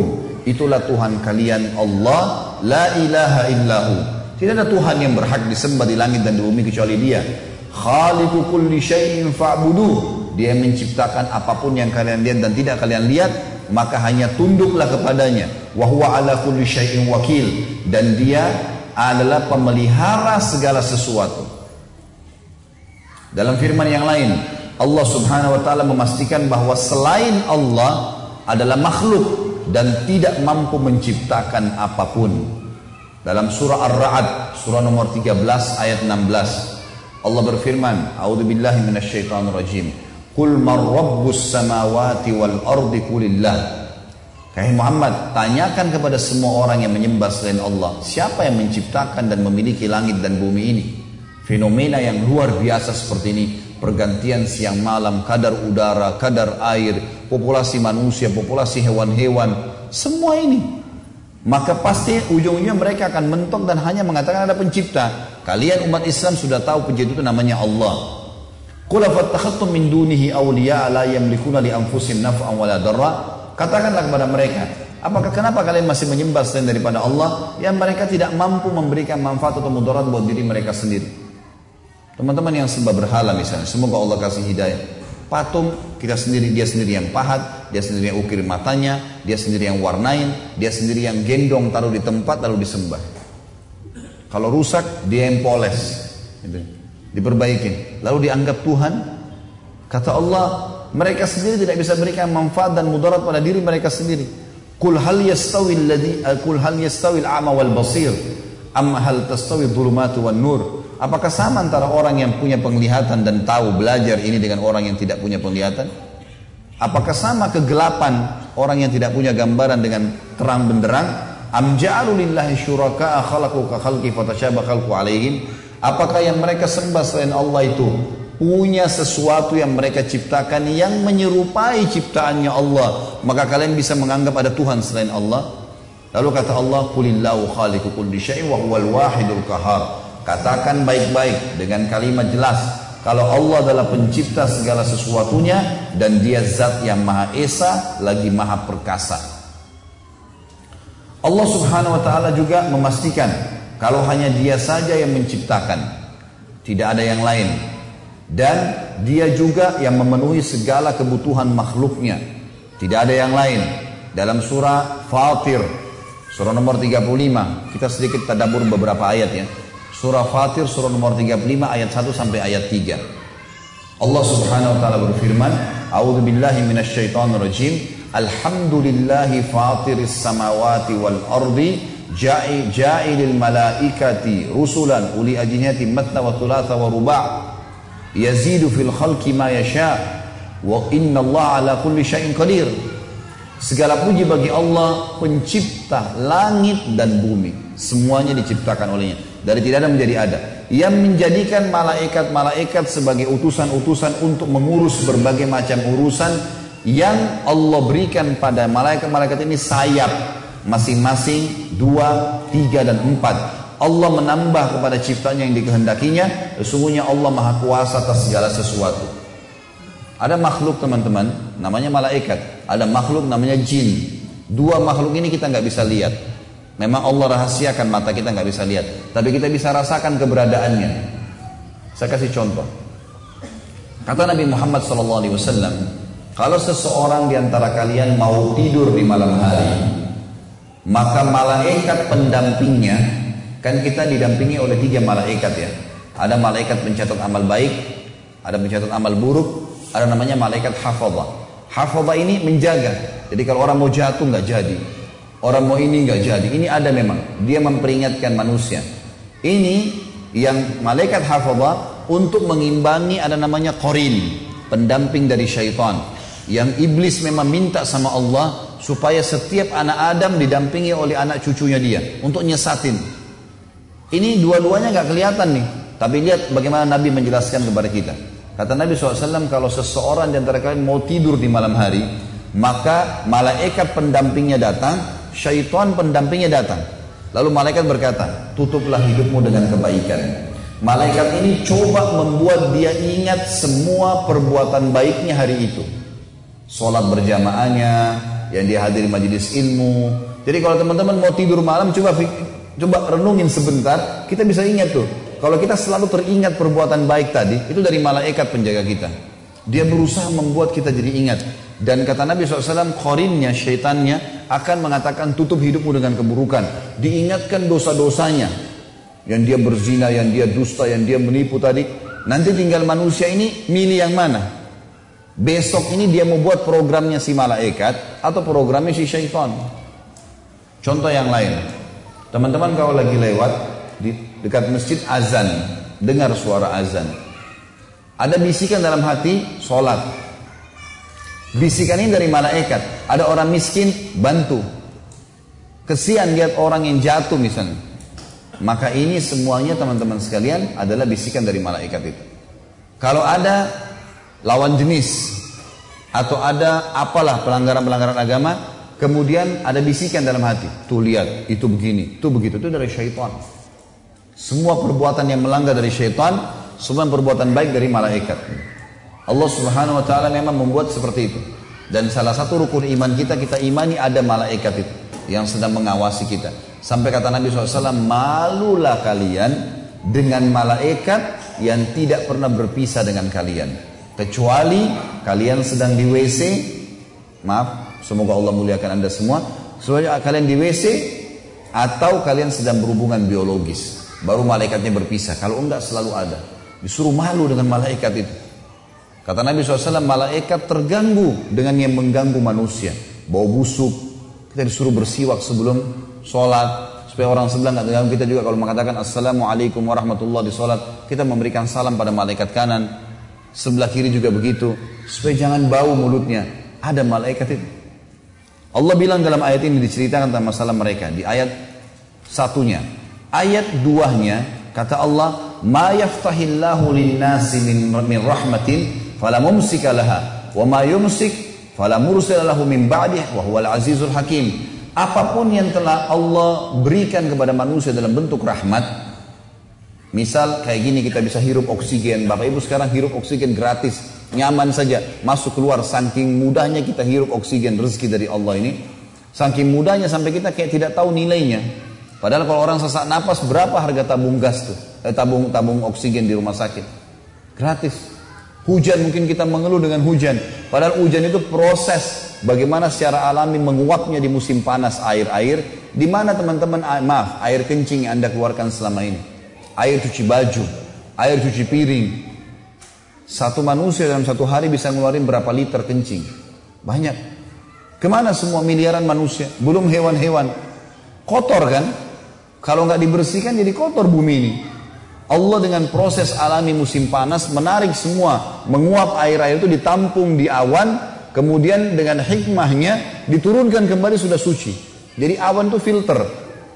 Makanya waktu turun hujan, Nabi SAW buka imamahnya, buka bajunya, sengaja kenain air. Kata beliau waktu ditanya ya Rasulullah, kenapa anda lakukan? Ini rahmat, air ini baru turun dari rahmat Tuhannya. Itu bahasa wahyu. Kalau bahasa kita sekarang udah suci lagi nih, pakai tuh. Jadi sebenarnya kalau musim hujan anak-anak mandi hujan itu boleh dalam Islam, jangan dilarang. Kalau katakan anak saya sakit kena air hujan ini dari mana ada buktinya? Gak ada bukti. Nabi SAW sengaja basahin kepalanya malah dan mengatakan ini rahmat Allah baru turun dari langit, gitu kan? Itu hukum agama kita. Kata Allah, kalau Allah anugerahkan kepada manusia berupa rahmat, tidak ada seorang pun yang bisa menahannya. Dan kalau apa saja yang ditahan oleh Allah, Allah nggak kasih, tidak akan ada seorang pun yang sanggup melepaskannya. Tidak ada orang yang bisa memberikan. Allah nggak mau turun hujan, nggak bakal turun hujan, nggak bisa. Allah tahan, udah nggak bisa. Allah buat kita nggak bisa nafas, nggak bisa nafas sudah mati. Allah pelintir satu urat saraf kita, tanda kutip di sini, maka sudah encok dua minggu, satu bulan, Mudah sekali kalau Allah mau susahin makhluknya gitu kan. Tapi dengan luar biasa rahmatnya datang kepada kita. Maka kata Allah, dan dialah yang maha perkasa lagi maha bijaksana. Ayat terakhir, ayat tiganya, Allah berfirman, Ya ayyuhan nasu ni'matallahi alaikum. Hal min khalikin ghairullahi yarzukukum minas sama'i wal ard. La ilaha illa huwa fa'anna tu'fakun. Hai manusia, suku apa pun dia, diajak ngomong sama sang pencipta Allah. Karena kita semua sama dari keturunan Adam. Hai manusia, ingatlah akan nikmat Allah kepada kalian. Adakah pencipta selain Allah yang dapat memberikan rezeki kepada kalian dari langit dan bumi? Tidak ada Tuhan selain dia, maka mengapa kalian berpaling dari kebenaran ini? Dan teman-teman sekalian, banyak sekali dari dalil Al-Quran yang menggambarkan kepada kita tentang asas agama kita tauhid ini. Ini penting sekali. Tapi saya tidak mungkin tidak mungkin bacakan semuanya. Ada beberapa ada mungkin di sini lebih dari 10 atau 20 ayat saya tulis dalam tulisan saya. Dan ini insya Allah nanti terbit dalam bentuk buku tentunya. Judulnya memang inilah generasi emas Islam. Tapi saya akan misal contoh Allah berfirman juga tentang malam dan siang. Dalam surah Ghafir, surah nomor 40 ayat 61 sampai ayat 65. A'udzu billahi minasyaitonir rajim. Allahul ladzi ja'ala lakumul laila litaskunu fihi wan nahara mubsira inna fi dhalika inna allaha ladhu fadlin 'alan nasi walakin aktsaran nasi la yashkurun Allah lah satu-satunya yang telah menjadikan malam untuk kalian supaya kalian beristirahat Allah yang buat tuh malam jadi gelap kita jadi ngantuk mau tidur siapa yang ciptakan kita siapa yang ciptakan ngantuk itu Siapa yang ciptakan kita jadi pulas? Siapa yang membangunkan kita setelahnya? Apakah proses begitu saja? Tidak, gitu kan? Dan kata Allah, dan menjadikan siang seperti sekarang, terang benderang agar kalian bisa beraktivitas. Sesungguhnya Allah benar-benar mempunyai karunia yang dilimpahkan pada manusia. Akan tetapi kebanyakan manusia tidak bersyukur. Teman-teman sekalian, kita manusia ini betul-betul dimanjakan sama Allah. Hanya tugasnya memilih dan ikhtiar. Misal mau makan, ini pedas, asin, gurih, tinggal milih. Habis itu ngunyah, nggak lebih daripada itu. Kita ngunyah nih, oh ini manis, oh ini asin, udah. Begitu masuk tenggorokan kita, ukuran sepertiga jari saja, sudah nggak ada campur tangan manusia. Sistem alami mengelola semua makanan yang kita kelola. Bayangin yang pedas masuk, yang dingin masuk, yang panas masuk. Mesin secanggih apa pun rusak tuh kalau mesinnya manusia. Ini masuk pedas, masuk asin, masuk dingin, masuk panas. Terus dikelola jadi energi dan jadi kotoran. Yang tidak dibutuhin ini yang ngawur, yang kita main makan sembarangan jadi kotoran. Lalu Allah kasih rasa mules, buang tuh. Tuh kalau kamu nggak buang mati tuh. Kotoran kalau nggak dibuang bisa mati manusia. Baunya luar biasa. Ada satu kapten kapal meninggal Bapak Ibu sekalian. Dia masuk ke WC meninggal. Diadakan penelitian, kenapa nih orang meninggal? Tadinya sehat. Setelah ditemukan ternyata gas kotoran dia, tinjanya dia, itu sudah tiga hari dia nggak buang, mati gara-gara gas kotorannya sendiri. Itu mati gara-gara itu. Allah kasih rasa mules, buang tuh. Kita mules, buang. Habis itu Allah kasih rasa lagi. Oh ya sudah cukup, berdiri, makan lagi. Manusia begitu manja, dimanja kata Allah, luar biasa kalian itu. Tidak mau bersyukur kenapa gitu. Ya. Maka teman-teman sekalian harus kita pahami masalah ini. Ada seseorang datang kepada syekh. Maaf sebentar.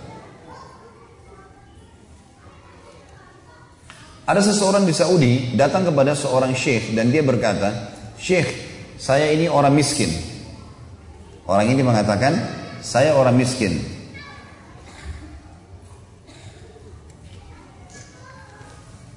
Kata syekhnya, kebetulan memang dia orang susah.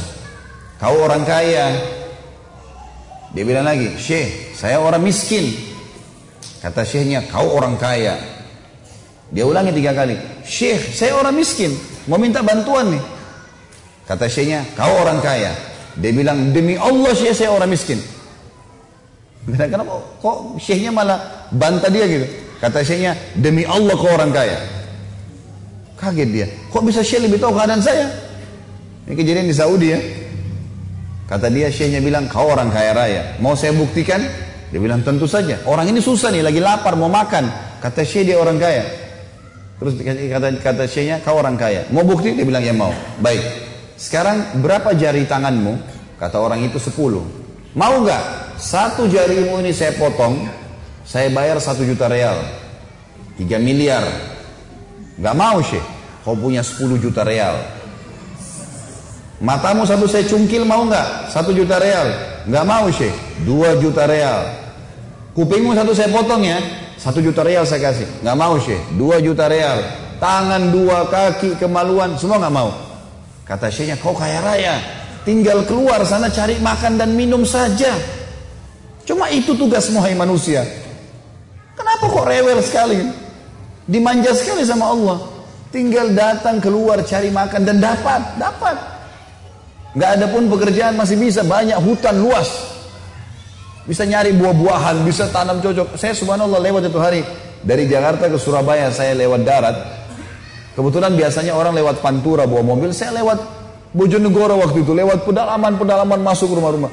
Saya ke rumah-rumah masyarakat subhanallah dari kayu, di depan rumahnya cocok tanam tomat sama cabai, sama sayur-sayur. Hidup sama istri sama anaknya. Hidup tuh. Gitu kan. Gak ada sesuatu yang rumit. Imam Ibn Qayyim rahimahullah pernah lewat teman-teman sekalian di semak belukar ada ada lewat uh, ular. Ular ini matanya buta. Jadi kelihatan kalau dari kelopak mata terbuka, matanya putih semua. Ini Ibnu Qayyim tahu ular ini buta nih. Maka Ibnu Qayyim bilang, saya mau lihat bagaimana Allah kasih rezeki ular ini. Ular ini jalan di semak belukar. Ibnu Qayyim dari sampingnya melihat, dari agak jauh. Pelan-pelan dia mau ikutin ular ini. Ular ini rupanya pas ada batang pohon besar, terdempet, merasa ada pohon, dia naik ke atas. Ular ini naik. Naik aja. Jalan, buta matanya. Jalan. Sampai ke atas, dia bilang Ibnu Qayyim bilang, saya angkat kepala saya di atas ada batang, ada dahan pohon. Di situ ada satu burung kecil lagi bersihin sayapnya. Dan burung ini tidak tahu kalau ada ular, ular tidak tahu kalau ada burung di situ. Tiba-tiba ular ini sudah mendekat, dia cium bau ini, dia langsung aja main serang dia. Dimakanlah burung itu. Kata Ibnu Qayyim, Subhanallah yang telah memberikan makan ular yang buta. Ini luar biasa gitu kan. Salah seorang ulama salaf yang lain juga pernah keluar dari kebun kurmanya, capek sekali dia, letih sekali, capek luar biasa. Dia keluar dari kebunnya, dia pergi di sungai dekat rumah dekat kebunnya lalu dia bilang, "Ya Allah, berikanlah aku balasan yang setimpal." Capek sekali dia, mau hasil kebunnya panennya bagus. Lalu Allah perlihatkan kepada dia bagaimana Allah memberikan rezeki dan tidak usah khawatir dengan itu. Tugas kita cuman milih ikhtiar. Milih makanan, ngunyah, titik, nggak lebih daripada itu. Milih kerjaan, bekerja, selebihnya sudah sih haknya Allah sudah, gitu kan? Tinggal masalah halal haramnya saja. Lewat di depan mata dia di sungai itu ada batang pohon, di atasnya ada burung bangau, burung bangau matanya buta, kakinya patah. Di atas batang pohon yang sedang di atas air. Dia bilang, Saya mau lihat bagaimana Allah berikan burung ini rezekinya. Dari kejauhan tidak lama kemudian teman-teman sambil dia lihat burung bango itu di atas batang pohon yang lagi berjalan. Kakinya patah, matanya buta. Burung bango ini nggak tahu mau ke mana nih. Jatuh cemplung ke dalam air bisa dimakan oleh buaya dia. Tiba-tiba ada dari kejauhan burung elang mengambil ikan, mencengkeram ikan. Begitu mau terbang dengan hikmah ilahi, lepas ikan itu pas di depannya burung bango di atas batang pohon itu. Dan burung elang tidak ambil lagi kembali. Burung bango tinggal cium bau ikan, turunin kepalanya makan, selesai. Nah, ini asas keyakinan Bapak Ibu sekalian. Semua apa pun yang kita lihat tidak lihat itu diciptakan oleh Allah Sang Pencipta. Kekuatan kita di situ, akidahnya di situ. Tidak usah bergantung, tidak usah takut, tidak usah apa-apa kecuali kepada Allah. Qul inna salati wa nusuki wa mahyaya wa mamati. Ini maknanya lillahi rabbil alamin. Nanti terakhirnya hidupku matiku semua ini punyanya Allah. Ruh kita punya Allah, jasad kita punya Allah. Semua punya Allah ini. Gak ada punya kita di sini. Gak ada andil kita. Anak kita lahir, keluar. Kita nggak bisa milih laki-laki atau perempuan. Keluar ya sudah begitu. Ini anakmu ya. Kita lahir sebagai anak luar. Ini ibumu, ini ayahmu ya. Gak bisa milih. Bisa milih. Saya nggak mau ibu ini. Gak bisa. Pasti sudah keluar ya ini semua. Kita nggak mau ikutin sistem, nggak bisa, nggak mau bernafas, mati. Harus ikut sistem yang sudah ada. Dari mana semua ini gitu? Saya kalau lapar yang ciptain saya siapa? Ciptain lapar siapa? Yang pandu saya untuk hilangkan lapar dengan makan itu siapa? Gitu. Terus yang siapin semua ini siapa? Teman-teman sekalian, kadang-kadang kita ini melihat hal yang kecil, tidak lihat hal yang besar. Maaf kalau contoh ini pernah didengar, saya ulangi untuk menguatkan saja. Kalau teman-teman di sini lagi ngundang teman mau makan di rumah, ya. kemudian kita ke pasar beli ayam. Ayam ini saya yakin karena kita mau berikan makanan buat tamu, kita cari ayam yang terbaik ya. Ayam jago yang besar dan segalanya. Baik, kebanyakan kita begitu sudah dapat ayam, cocok harga, pikirannya pendek, cuma berpikir ayam ini saya apakan nanti, kari kah, digoreng kah, sebatas itu saja. Udah itu saja yang kita pikir. Kita nggak pikir hal yang lain ya. Padahal sebenarnya teman-teman di ayam itu ada fakta penciptaan Allah. Coba teman-teman kalau ada yang pelihara ayam di rumah, ya, sebentar pulang, ambil mistar. Ya, ini bahasa Indonesia kan mistar ya? Penggaris, ya. Ini soalnya saya dari Makassar biasanya bilang mistar dulu waktu kecil. Hmm. Baiklah, kita pakai penggaris. Coba Bapak Ibu sekalian antara bulu dengan bulu, ya, antara bulu ayam sama bulu ayam sebelahnya itu bawa mister lihat sentimeternya persis sama. Antara bulu dengan bulu sama. Siapa yang nata itu? Warnanya setiap tangkai itu ada warnanya bulunya teratur rapi ada coraknya. Tertata rapi ya. Siapa yang nata itu? Dan siapa yang menata di miliaran ayam? Semua ayam sama tuh begitu semua Masa depan mata begini kita nggak lihat fakta penciptaan ya. Kita belum kita bicara mulutnya, kokokannya, suaranya segala, baru kita masuk ke dagingnya yang empuk. Banyak. Kadang-kadang kita cuma sembeli ayam, kita eh, direndam pakai air panas supaya bulunya gugur atau dicabutin baru dibuang di sampah. Nggak lihat di situ. Teman-teman kalau lagi mau pengen makan anggur, masuk di toko anggur, buah-buahan, beli anggur. Oh saya ini ada anggur merah, hitam, hijau.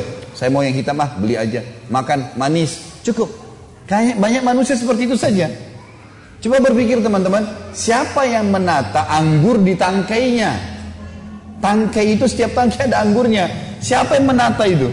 Siapa yang buat anggurnya? Kulitnya, isinya, bijinya, cita rasanya, aromanya. Siapa yang buat? Dan kenapa nggak pernah habis? Hah? Pernah nggak ada yang temukan di sini tidak ada buah sama sekali? Atau tidak ada sayur sama sekali? Pernah ayam habis? Sudah setiap hari dipersembeli, nggak pernah habis. Dari mana semua itu? Fakta penciptaan kata Allah dalam Al-Quran tadi dikatakan, dialah ya Allah yang telah memberikan kepada kalian rezeki.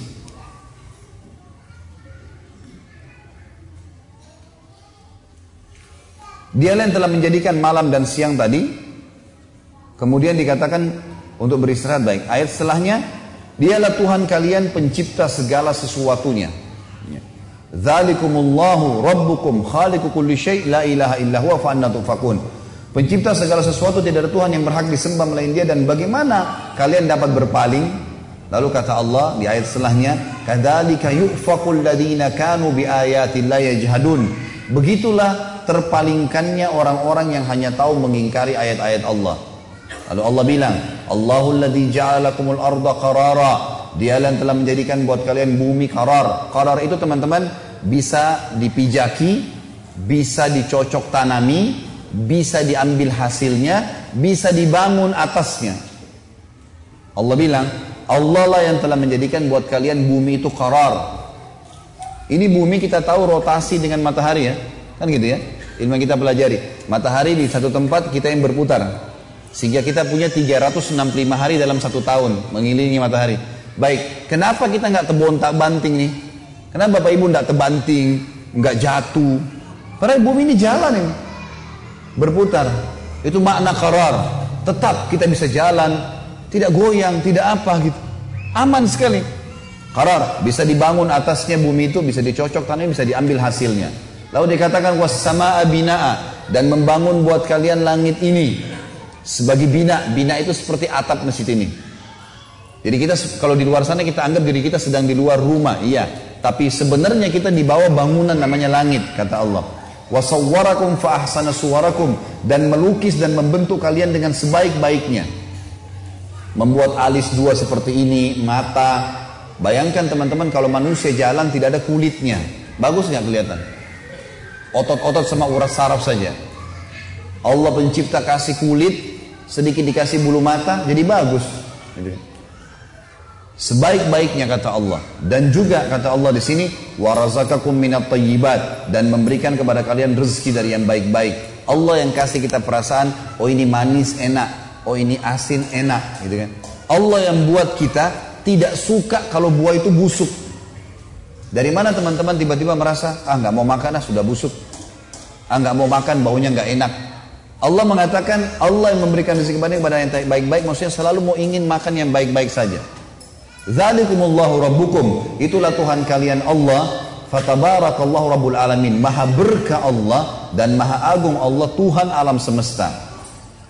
Ayat yang terakhir di sini ayat 65 adalah Huwal hayyu la ilaha illa huwa fad'uhu mukhlishina lahuddin alhamdulillahi rabbil alamin.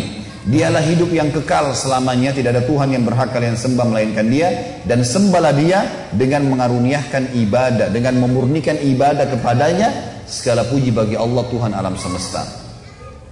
Masih ada surah-surah yang lain saya langkahi cukup banyak ayat-ayat Al-Qur'an di sini yang menceritakan kepada kita tentang Allah itu memang pencipta segala sesuatunya dan selain daripada Allah adalah makhluk. Baik. Ini andasan agama kita yang pertama. Di sini kemenangan kita sebagai umat Islam karena tidak perlu menyembah selain Allah. Tidak perlu bergantung kecuali selain Allah. Semuanya untuk Allah SWT. Yang kedua adalah Allah sang pencipta. Ini landasan kita yang kedua yang membuat kita harus bangga dan kita harus bisa mempertahankan adanya Nabi Muhammad SAW. Nabi Muhammad SAW adalah manusia terbaik yang diutus oleh Allah. Memang beliau dipilih oleh Allah Subhanahu Wa Taala. Nabi Muhammad SAW adalah orang yang terkemuka di kaumnya, jalur nasabnya terkenal suci, akhlaknya suci, dan satu kota Mekah meyakini kalau Nabi Muhammad SAW adalah orang yang terpercaya. Waktu beliau sedang naik teman-teman sekalian di atas uh, bukit namanya Abi Kubais. Waktu Allah suruh perintahkan Hai Muhammad sampaikan agama ini kepada keluargamu. Ke orang Mekah. Maka kata Nabi SAW, Hai orang-orang Mekah, Hai Quraisy, berkumpul semua orang. Kata Nabi SAW, kalau seandainya saya mengatakan di luar pintu gerbang Mekah sekarang ada pasukan musuh yang akan menyerang kalian. Apakah kalian percaya? Kata orang Quraisy, semuanya satu Mekah bilang, "Iya, karena kami belum pernah mendengar kau bohong satu kali pun dalam hidupmu." Gak pernah dusta satu kali pun. Kata Nabi SAW, ketahuilah, saya utusan Allah, di antara dua tangan saya ada siksaan. Maksudnya, yang patuh masuk surga, yang yang yang durhaka masuk neraka. Nabi SAW adalah manusia terbaik, jalur nasabnya terkenal paling terbaik. Terkenal dari turunan raja-raja Mekah karena Abdul Muttalib kakaknya raja Mekah. Juga fisik sangat sempurna. Kata para ulama, kalau seandainya Yusuf alaihissalam diberikan seperti kegagahan dunia, maka Nabi SAW diberikan seluruh kegagahan dunia. Tidak pernah ada orang yang lihat Nabi SAW tidak suka. Sempurna. Disebutkan dalam riwayat kalau beliau tinggi besar, kekar. Tinggi besar dan kekar. Gitu kan. Disebutkan jarbu. Jarbu itu tidak terlalu tinggi, tidak terlalu pendek. Dan orangnya kekar semuanya. Nabi SAW kekar memiliki dada yang dada yang bidang, pundak yang lebar, perut yang tersusun seperti batu yang keras. Nabi SAW tinggi, putih, saking putihnya pipi beliau kemerah-merahan, Wasallam. Dan alisnya tebal berwarna hitam seperti busur panah, melengkung seperti busur panah. Dan bola matanya besar, yang bola matanya yang putihnya putih bersih, yang hitamnya hitam pekat, Sampai para sahabat mengatakan kalau kami ingin bercermin di mata Nabi SAW kami bisa bercermin karena jernihnya. Hidungnya mancung dan lancip. Beliau memiliki bibir, pipi dan dahi yang sepadan dengan wajah yang tidak oval dan juga tidak bulat. Nabi SAW memiliki rambut tidak keriting, tidak lurus, berombak yang dibiarkan sampai ke kuping atau ke pundak. Jadi Nabi SAW sangat luar biasa, tinggi, putih, kekar, gagah, segala macam. Akhlaknya jujur, amanah, orang semua percaya. Memang manusia terbaik ini. Sampai salah seorang sahabat namanya Ka'ab radhiyallahu anhu. Ka'ab ini teman-teman sekalian dalam hadis Bukhari pernah lagi lewat di depan rumah Nabi SAW dan kebetulan waktu itu lagi bulan purnama. Kalau kita biasa pertengahan bulan, tanggal 13, 14, 15 Hijriah, biasa kita puasa Iyamul Bid. Nah itu kalau pada saat itu lagi bulan purnama tuh. Biasanya bulan indah sekali, bagus gitu bisa dilihat, jadi kayak besar, warnanya kekuning-kuningan gitu. Kata Kaab, saya pernah menyaksikan bulan purnama, ya di depan rumah Nabi Shallallahu Alaihi Wasallam. Maka saking indahnya, rasanya saya tidak ingin mengalihkan pandangan mata saya.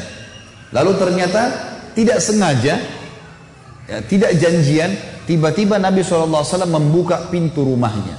Dan beliau keluar, baru saja mandi, menyisir rambutnya rapi ke belakang, dan Nabi SAW menggunakan jubah berwarna merah bergaris hitam.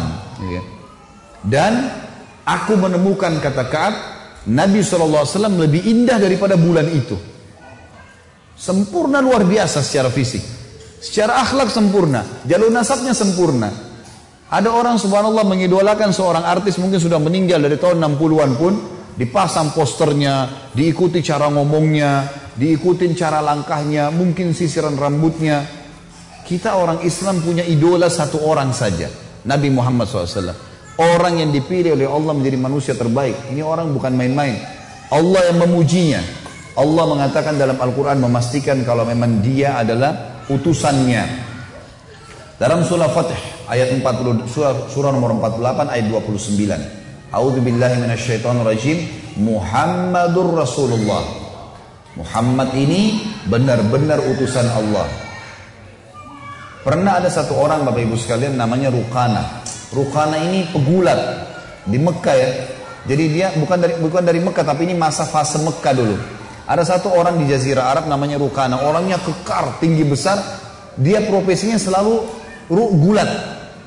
Jadi dia datang ke satu suku yang ditantang sama dia. Yang mau gulat sama saya? Kalau kalah, saya siap menjadi pembantunya selama setahun, gitu-gitulah. Kalau kalau saya menang, kalau dia menang, dia ambil istrinya orang, ngambil hartanya, ngambil anaknya. Itu yang selalu dikerjakan oleh Rukana. Dan tidak pernah kalah gulat, karena orangnya tinggi besar, kekar.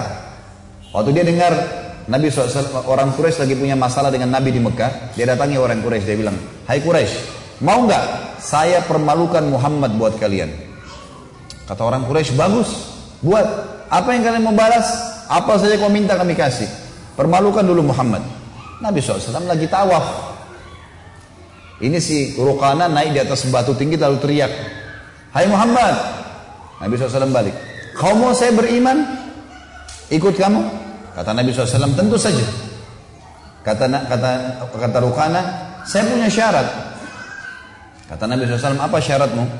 Kalau kau bisa kalahkan saya bergulat, maka saya akan jadi pengikutmu. Rukana pikirin Nabi nggak bakal iyakan. Karena orang semua takut sama dia. Gitu ya. Gak pernah kalah bergulat. Memang orangnya besar, tinggi besar. Mengalahkan postur tubuh Nabi yang tinggi. Dia kaget itu Nabi bilang mengatakan, baiklah. Bergulat dengan Nabi SAW. Dan perlu Bapak Ibu tahu ya, semua Nabi-Nabi dan Rasul diberikan kekuatan 10 orang laki-laki. Semua Nabi-Nabi dan Rasul. Semuanya. Jadi mereka memang untuk membela agama Allah dikasih kekuatan 10 orang laki-laki. Nabi SAW gulat sama Rukana, beberapa gelakan, gulat ini agak sulit ya. Bukan dengan berantem umumnya. Emang dia harus menekuk sampai musuhnya nggak kuat lagi. Bukan melukai, bukan memukul wajah, bukan segala. Ditekuk oleh Nabi, nggak bisa bergerak Rukana. Nggak percaya dia. Saya mau tantang lagi, dua kali, tiga kali, sampai sepuluh kali Nabi kalahin dia. Dan tidak bisa dalam dalam gulat itu susah dalam satu kali uh, gulat itu kemudian sepuluh kali ditekuk musuhnya itu luar biasa. Kalah nih Rukana, nggak bisa bergerak. Terakhir Nabi SAW tekuk, nggak bisa bergerak. Lalu yang terjadi Bapak Ibu sekalian, Rukana bilang, saya mengaku kalah, tapi saya tidak mau beriman kecuali pohon ini bicara. Ada pohon kurma di situ. Semua satu Mekah orang saksikan itu pohonnya bilang asyhadu an la ilaha illallah wa anna Muhammad Rasulullah. Ini mujizat Nabi. Pohon ngucapin syahadat. Ini kalau teman-teman ikuti ceramah saya di YouTube ada itu tentang mujizat-mujizat Nabi Muhammad SAW. Banyak sekali. Di antaranya ini, pohon aja memberikan syahadat, kesaksian. Pernah Nabi SAW lewat di satu tempat, ada unta lagi ngamuk Unta ini kalau ngamuk teman-teman di suku Najjar di Madinah. Ini kalau ngamuk bisa gigit, bisa nendang, mirip kuda. Apalagi kalau unta jantan biasanya nggak sembarangan orang bisa taklukkan gitu.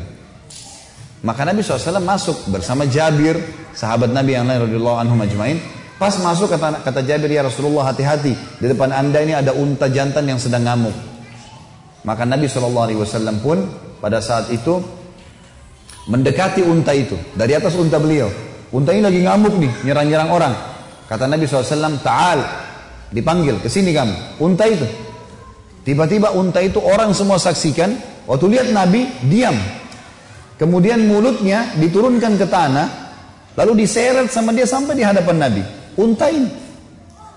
Diseret sampai di mulut, mulutnya sampai depan Nabi, sebagai bentuk kehinaan. Lalu Nabi, lalu unta itu kata Nabi angkat kepalamu, diangkat kepalanya. Lalu Nabi bilang mana tali kekangannya? Diambil tali kekangan, diikatlah.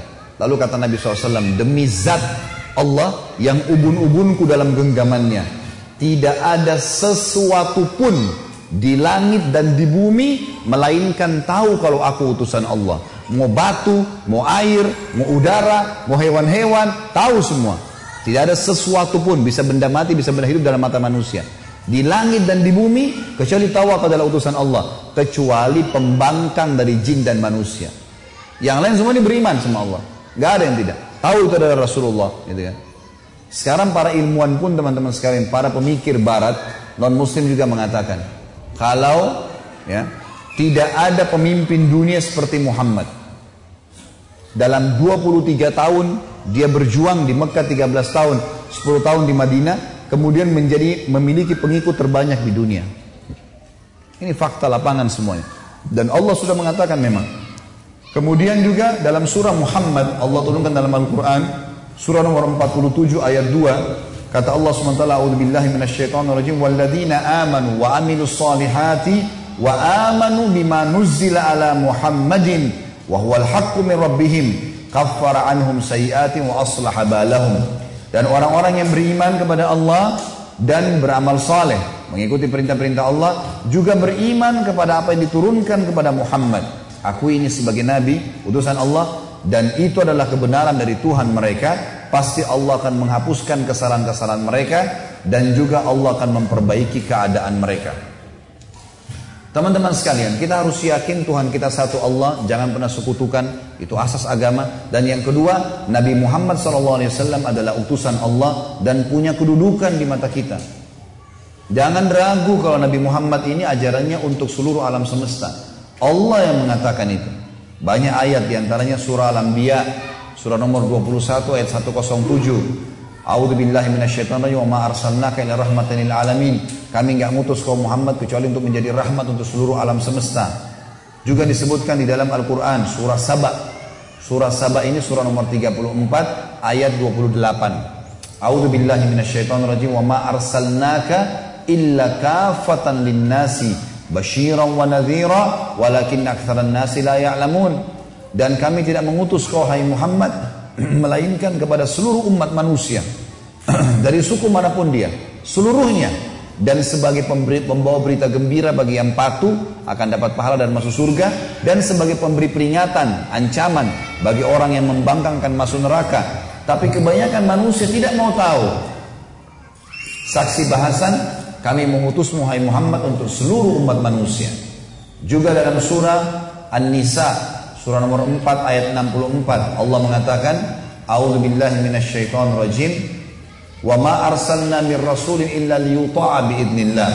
Walau annahum idh zalamu anfusahum ja'uka fastaghfirullah wastaghfara lahumur rasul lawajadullaha tawwabar rahima. Kami tidak mengutus rasul kata Allah kecuali untuk dipatuhi dan sengaja dari manusia teman-teman supaya kita mudah ikutin.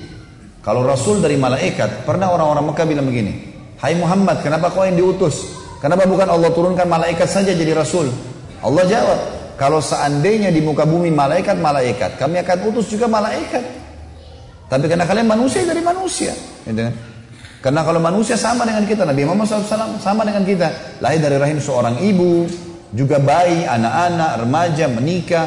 Kemudian ada yang meninggal anak-anaknya, meninggal istrinya, suka duka dilaluin, peperangan, dan seterusnya. Kemudian sampai meninggal. Mudah kita ikutin hidupnya. Kan? Bukan dari golongan yang lain. Lalu kata Allah, sesungguhnya jikalau mereka, para sahabat-sahabat Muhammad Muhammad, menganiaya diri mereka, datang kepadamu, lalu memohon ampun kepada Allah, dan Rasulnya memohon ampun kepada Allah, niscaya tentu Allah akan menerima taubat, karena Allah itu maha penerima taubat dan maha penyayang. Kita disuruh teman-teman memperjuangkan agama Allah, agama Rasulullah SAW, mengakui kebenaran dalam surah Al-Imran urutan 3132 wa atiullah war rasula la'allakum turhamun. Taatilah Allah taatilah Rasul. Apa yang halal-halal yang haram-haram di mata Allah dan Rasulnya agar kalian mendapatkan rahmat. Dan ini banyak sekali teman-teman sekalian banyak sekali ayat-ayat yang berbicara seperti ini. Tapi saya tidak bahas lagi tentunya kita sekarang teman-teman sekalian sudah tahu dua pondasi agama kita pondasi yang pertama adalah tauhid Pondasi kedua meyakini risalah Nabi Muhammad SAW dan tidak ada keraguan dalam masalah ini. Sehingga kita mendakwakannya kepada orang lain, mendakwakannya kepada orang lain. Dan jangan pernah ragu menyampaikan agama ini. Sampaikan apa adanya. Masalah dia terima tidak terima itu urusan Allah. Kita sekali lagi manusia cuman milih ikhtiar. Milih makanan, kunyah. Ya. Milih tempat tinggal, tidur. Selebihnya urusan Allah. Gitu kan. Sama, sampaikan agama ini kepada orang non muslim, sampaikan saja. Terima nggak terima bukan urusan kita itu. Dan yang paling baik caranya kepada mereka tanya, bagaimana pendapat anda tentang Islam? Itu saja yang ditanyain dulu. Biarin dia sampaikan pendapatnya tentang Islam. Buruk atau baik, biarin dia cerita. Saya tidak suruh bapak ibu di sini menjadi Ahmad Didat atau Dr. Zaki Naik menghafal kitab-kitab mereka. Enggak. Cukup Bapak Ibu tanya tentang Islam, pendapat dia apa, lalu kita jelaskan Islam yang kita tahu. Cukup itu saja. Selebihnya serahkan kepada Allah. Orang masuk syah, orang masuk Islam Bapak Ibu sekalian syahadatnya, syahadat karena dengar azan, syahadat karena lihat orang Islam pakai baju muslim, syahadat karena dengar ayat Al-Qur'an. Sesuatu yang mungkin kalau kita tiap hari kita dengar nggak ada nggak ada nggak ada hubungannya. Pernah ada seorang ibu syahadat, kemudian saya tanya, Bu, kenapa ibu syahadat? Apa sebab ibu masuk Islam? Saya waktu Ramadan Ustaz, dengar setiap kali dengar azan di masjid karena rumah orang tua saya dekat masjid non muslim. Lalu saya merinding, selalu merinding. Saya nggak tahu kenapa. Terus dalam hati saya ini selalu ingin masuk Islam, ingin masuk Islam. Hanya itu saja. Lalu saya syahadat. Kita berapa kali dengar azan umat Islam? Biasa saja. Jadi hidayah di tangan Allah, nggak usah ragu. Ini agama benar gitu. Baik, kita masuk sekarang ke landasan yang ketiga dan ini inti bahasan sebenarnya. Yang saya maksudkan dengan inilah generasi emas Islam, ini pondasi yang ketiga. Teman-teman sekalian, di tangan baginda Nabi Muhammad SAW, manusia terbaik dan utusan Allah ini, lahirlah generasi emas Islam. Mereka para sahabat. Para sahabat. Ini landasan agama kita yang ketiga. Yang tinggalkan sahabat, Berarti meninggalkan agama ini udah. Kenapa? Karena ayat-ayat Al-Quran turun banyak juga terjadi turun sesuai dengan kasus para sahabat. Peperangan mereka bersama Nabi SAW, ada keributan dalam rumah tangga, Allah turunkan ayat mengingatkan. Banyak kasus tentang sahabat turun dalam Al-Quran. Bahkan Umar bin Khattab anhu itu menjadi penyebab turunnya 13 ayat Al-Quran. Di antaranya ayat khamr. Ya kan? Umar bin Khattab dulu pemabuk keras sebelum masuk Islam. Tapi setelah masuk Islam, dia berdoa, Ya Allah haramkan minuman ini buat kami. Haramkan. Sampai Allah turunkan ayatnya. Ayat hijab. Perempuan tidak pakai jilbab dulu, masih kelihatan rambutnya. Istri-istri Nabi masih sering ketemu dengan laki-laki sahabat. Maka kata Abu Bakar ya Rasulullah, mestinya anda berikan hijab antara istri anda dengan orang-orang yang datang nih. Takutnya tidak semua orang imannya sama. Turun ayat hijab. Suruh pakai jilbab semua perempuan. Jadi kan? Tawanan Badar 60 orang. Waktu turun, waktu ditangkap 60 orang tawanan Badar, Nabi SAW musyawarah nih, para sahabat, kita apain nih 60 tawanan Badar? Kata kata orang di antara mereka, ya Rasulullah keluarga kita maafin aja supaya orang tahu Islam itu ada toleransinya.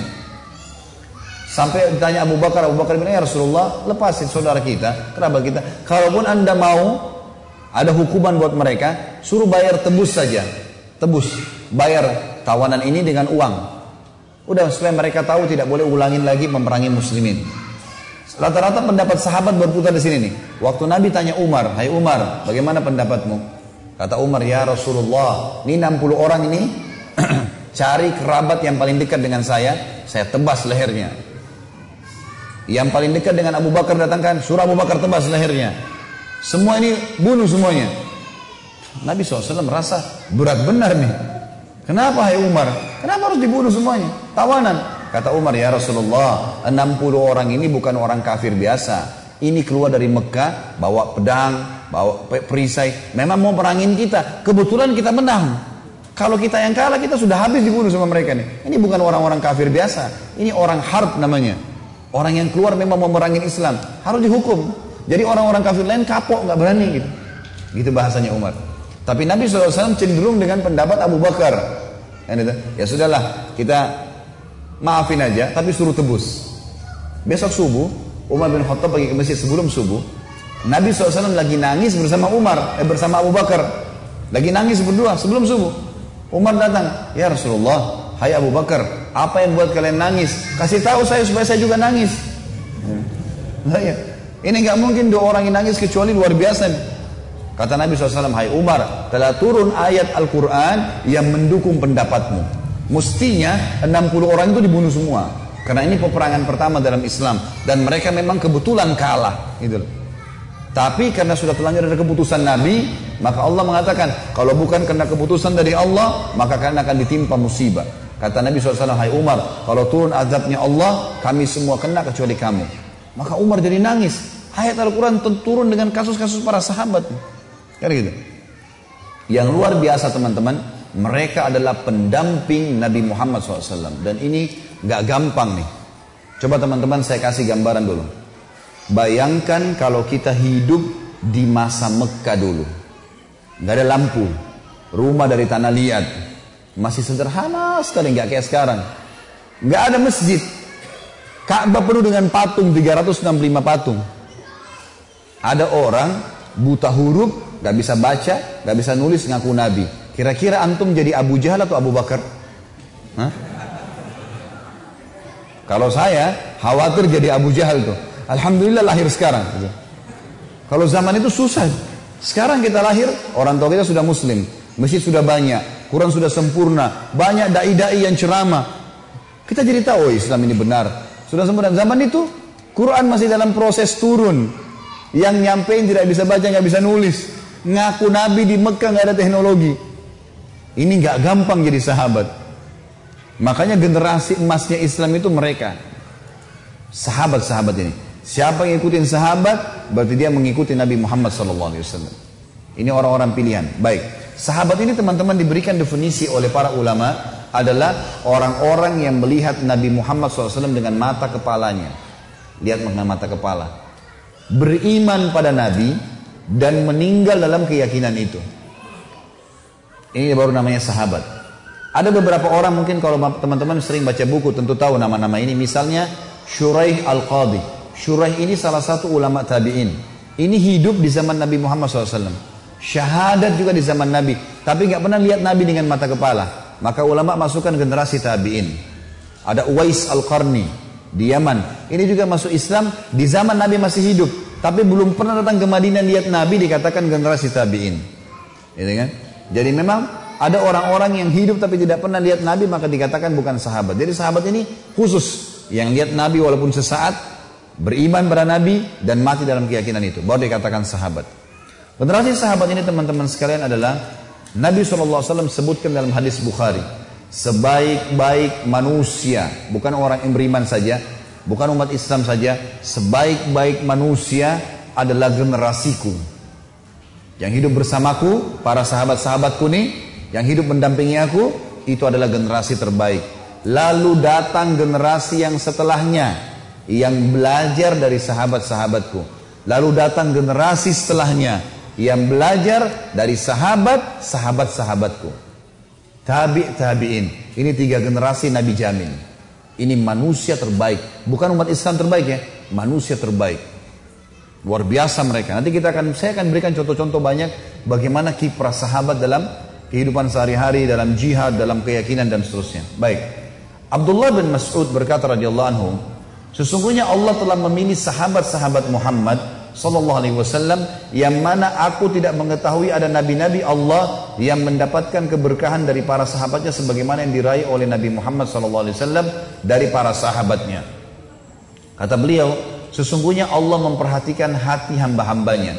Maka Allah mendapatkan hati Muhammad SAW adalah hati yang paling baik. Sehingga ia Allah memilihnya sebagai utusan dan pembawa risalah terakhirnya. Lalu kemudian Allah melihat hati hamba-hambanya. Maka Allah menemukan hati ya orang-orang yang mendekati Muhammad, para sahabat adalah hati yang terbaik. Maka dijadikanlah sebagai sahabat-sahabat nabinya dan pendukungnya yang siap berperang untuk membela agama, apa yang dipandang baik oleh para sahabat, maka dipandang baik oleh Allah. Dan apa yang dipandang buruk oleh para sahabat, dipandang buruk oleh Allah. Riwayat Imam Ahmad. Hadis yang lain teman-teman sekalian, kata Nabi SAW juga, maaf Abdullah bin Mas'ud masih berkata, dia mengatakan, bila seseorang dari kalian ingin meneladani seseorang, mau menjadikan sebagai contoh, maka hendaklah ia meneladani orang-orang yang telah meninggal dunia. Karena yang masih hidup belum dijamin ia terhindar dari fitnah dan sebaik dan sebaik-baik tauladan adalah para sahabat Nabi Muhammad sallallahu alaihi karena mereka adalah manusia yang paling mulia jiwanya dalam ilmunya terbukti Allah taala telah memilih mereka menjadi pendamping nabinya dan menegakkan agama dengan tangan mereka. Maka kenalilah mereka juga hak-hak mereka dan berpeganglah pada petunjuk mereka, niscaya kalian akan berada di jalan yang lurus. Ini diriwayatkan oleh Ibnu Abdul Bar. Urwa bin Mas'ud Al-Thaqafi ini salah satu uh, dutanya Quraisy. Orang ini sangat cerdas, menguasai beberapa bahasa. Dia pernah diutus ke Persia, ketemu dengan Raja Persia, Kisra, pernah ketemu dengan Kaisar Romawi, pernah ketemu dengan Najasyi dari Afrika, pernah ketemu dengan banyak raja-raja dunia dan dia tahu bagaimana kehidupan mereka. Satu waktu dia pernah diutus oleh Quraisy untuk kesepakatan Hudaybiyah. Pada tahun 6 Hijriah, Nabi SAW pernah keluar umroh, kemudian di Hudaybiyah ditahan oleh Quraisy, nggak boleh keluar, nggak boleh masuk, suruh pulang. Tentu ini kisah panjang, ada di YouTube sudah diangkat kisah Hudaybiyah panjang lebar. Tapi yang jelas teman-teman, Quraisy mengutus uh, uh, uh, Urwa bin Mas'ud ini, suruh ketemu dengan Nabi SAW. Ketemulah dengan Nabi SAW negosiasi, tapi rupanya tidak ketemu titik temu. Pas waktu itu azan, azan sholat duhur. Tiba-tiba Nabi SAW didatangkan seember air untuk uduk gitu kan. Pas uduk, pas waktu uduk, semua air yang jatuh dari air uduknya Nabi diperebutkan oleh para sahabat. Diperebutkan oleh para sahabat. Ada yang ambil untuk diusap ke wajahnya, tapi ini hanya pada Nabi Muhammad SAW. Ingat, bahasa saya jelas bahasa Indonesia. Ya. Ini hanya pada Nabi Muhammad SAW. Tidak berlaku pada kiai, pada ustadz, pada siapa saja. Ini mujizat Nabi. Ya. Hadis ini diriwayatkan oleh Imam Bukhari. Kata dia, wahai waktu lihat itu, lihat sahabat-sahabat berebut air wuduknya Nabi, gitu kan. Kemudian begitu menghormati Nabi, tidak berani mematap wajahnya Nabi. Urwah ini pulang ke kaumnya, ke orang-orang Quraisy lalu dia bilang begini, wahai kaumku, demi Allah, sungguh aku telah mendatangi raja-raja dunia, aku telah melihat Kaisar Romawi, aku telah melihat Kisra Persia, aku telah menemui Najasyi eh, Ethiopia. Tidak seorang pun dari mereka yang diagungkan oleh sahabat-sahabatnya sebagaimana sahabat Muhammad mengagungkan Muhammad. Demi Allah, bila Muhammad mengeluarkan ya dari mulutnya air tadi bekas uduk atau apa, maka para sahabatnya memperebutkannya, lalu menggosoknya pada wajah juga bajunya. Jika Muhammad memerintahkan sesuatu, mereka segera melaksanakan. Jika Muhammad berwudu, maka mereka hampir para sahabat berkelahi dalam memperebutkan tetesan air wuduknya. Jika salah seorang dari mereka berbicara di hadapan Muhammad, maka ia mengecilkan suaranya dan ia tidak berani menatap wajah Muhammad karena pengagungan dalam jiwanya. Ini generasi sahabat yang menghormati Nabi Muhammad SAW. Tentu yang kita ingin diberatkan sini adalah penghormatan mereka terhadap Nabi ya. Allah subhanahu wa ta'ala memuji para sahabat ini dalam Al-Quran, dikekalkan. Dan ternyata sahabat-sahabat Nabi ini sudah disebutkan dalam Taurat dan Injil. Bukan baru mereka. Jadi orang-orang terdahulu sudah tahu ada Nabi terakhir, nanti ada teman-temannya, teman-teman cirinya begini dan begitu. Coba yang punya Al-Quran buka ya, buka surah Al-Fatih. Surah nomor 48 ayat 29. Surah nomor 48 Al-Fatih ayat 29. Ayat terakhirnya ini. Al-Fatih ayat terakhir. Karena ini cuma 29 ayat ya. A'udzu billahi minasyaitonir rajim. Muhammadur Rasulullah. Muhammad benar-benar utusan Allah, nggak ada keraguan. Lalu Allah, walladzina ma'ahu dan orang-orang yang bersama dengannya sahabat-sahabatnya. Asyidda walal kufari ruhama'u bainahum. Mereka sangat tegas terhadap orang-orang kafir dan mereka ber, berbelas kasih sama mereka. Itu kalau ada terjemahan kasar perlu diganti sebenarnya. Itu bukan kasar terhadap orang kafir tapi tegas. Beda ya. Tegas itu ini boleh ini nggak boleh. Itu tegas namanya. Kasar itu kata-katanya kasar, suka melotot, mukul-mukul. Ini bukan sifat orang Islam. Kita nggak boleh mukul, nggak boleh menghina, nggak boleh menjatuhkan orang kafir kecuali sudah keluar di kancah peperangan. Sudah berhadapan di medan perang, memang dia keluar mau perangin Islam, nah itu baru. Itu pun, itu pun kita tidak boleh bunuh orang yang mengalah, sudah menyerah. Tidak boleh bunuh orang yang eh, orang tua, perempuan, anak-anak, nggak boleh bunuh hewan-hewan, nggak boleh rusak fasilitas umum, nggak boleh membakar, dilarang semuanya. Ini jelas dalam Islam, tidak boleh sembarangan, gitu kan? Sampai pernah Usama bin Zaid radhiyallahu anhu sahabat Nabi pernah tangkis-tangkisan sama musuh nih. Musuh ini sudah mau bunuh dia, mau bunuh Usama nih. Di medan perang. Sama Usama ditangkis-tangkis berusaha tertanya dengan hikmah Allah, Usama berhasil menjatuhkan pedangnya. Kan gitu. Begitu Usama mau tebas lehernya, musuh ini tadi akan bunuh dia, tapi sekarang berhasil kalah. Begitu mau tebas lehernya dia bilang, "Asyhadu an la ilaha illallah wa anna Muhammad Rasulullah." Si kafir nih, syahadat. Usama mau tebas ragun. Ini kafir, tapi sekarang syahadat. Bimbang dia. Ditebas akhirnya. Dibunuh sama dia. Begitu didengar oleh Nabi SAW dipanggil, Hai Usama, kenapa kau bunuh tadi ini? Ya Rasulullah, dia syahadat kena takut lihat pedang saya. Tadi orang ini kalau saya tidak tangkis, saya sudah dibunuh sama dia. Berarti sekarang jelas dia syahadat karena pas lihat pedang saya dia syahadat supaya dia selamat gitu. Apa kata Nabi SAW? Benar? Enggak sama sekali. Kata Nabi apa? Asyakakta an kalbi. Apa kau belah dadahnya hai Usama sampai kau tahu dia benar atau tidak? Nabi ulangi lagi. Asyakakta an kalbi. Apa kau belah dadanya sampai kau dia jujur atau tidak? Nabi ulangin terus kalimat itu sampai Usama bilang, saya merasa seperti orang yang paling salah di dunia dan berharap masuk kuburan keluar, tidak keluar lagi, mati udah. Karena beratnya kalimat Nabi. Maksudnya apa teman-teman? Orang yang sudah mengalah di medan perang nggak boleh dibunuh. Dan kalau membunuh pun, kata Nabi bunuhlah dengan cara yang baik. Tusuk, mati, selesai. Nggak ada mutilasi dalam Islam. Nggak ada bakar, nggak ada potong kuping, nggak ada potong tangan, nggak ada. Tusuk, mati, sudah. Kalah nggak boleh dibunuh. Ada adabnya. Islam bukan agama untuk memberontak, merusak, bukan. Tapi ada perang suci, membela agama. Ada, gitu kan? Wajar ya. Maka kita harus tahu masalahnya teman-teman sekalian. Maka di sini kalimat tegas bukan kasar. Terjemahan dalam Al-Quran kita banyak kata-kata kasar. Ini akhirnya disalahpahami oleh generasi muda muslim. Harus kasar sama orang kafir. Gak boleh senyum. Gak boleh gini, gak boleh begitu. Salah ini. Dalam Islam kalau orang tua kita kafir, wajib bakti. Gak boleh gak bakti. Walaupun dia ateis, bukan cuma Yahudi Nasrani. Ateis, penyembah, tidak ada Tuhannya. Tetap wajib kita bakti. Tetap kita jenguk kalau dia sakit, tetap kita bantu berikan makan. Tapi nggak boleh dipatuhi dalam masalah keyakinan. Itu saja. Kerabat kita non muslim, tetap kita silaturahim. Teman partner bisnis non muslim, boleh. Tetangga non muslim, boleh, nggak boleh diganggu. Orang kafir yang di bawah naungan pemerintah Islam, kata Nabi SAW, Man ada zimmiyan, kuntulahu khasiman yomul kiamat. Siapa yang menyakiti orang zimmi, zimmi ini orang kafir di bawah naungan pemerintah Islam. Kayak kita di Indonesia begini, hanya orang-orang kafir. Maka dia ya, dia akan jadi musuhku pada hari kiamat kata Nabi SAW. Dia tidak boleh, nggak boleh ini. Maaf kemarin waktu terjadi bom Bali, ribut di Indonesia. Orang Islam bom, kenapa? Orang kafir kita harus bom. Ini keliru teman-teman sekalian. Akhirnya waktu terjadi bom itu dua tiga orang mati, yang terjadi semua orang yang berjenggot waktu itu di Jakarta di mana-mana ditangkap tangkapin, masuk penjara semua. Ini teroris semua nih. Kenapa? Kenapa antum bom? Kenapa antum tidak kasih Quran terjemahan? Kenapa nggak dikasih lembaran dakwah nih? Saya bilang sama beberapa anak, -anak muda di Bali waktu saya datang yang lalu, antum kesulitan nggak bawa lembaran tentang Islam bagiin ke bule-bule itu? Oh enggak Ustaz, kasih Kasih ke mereka. Itu lebih baik daripada antum kasih bom.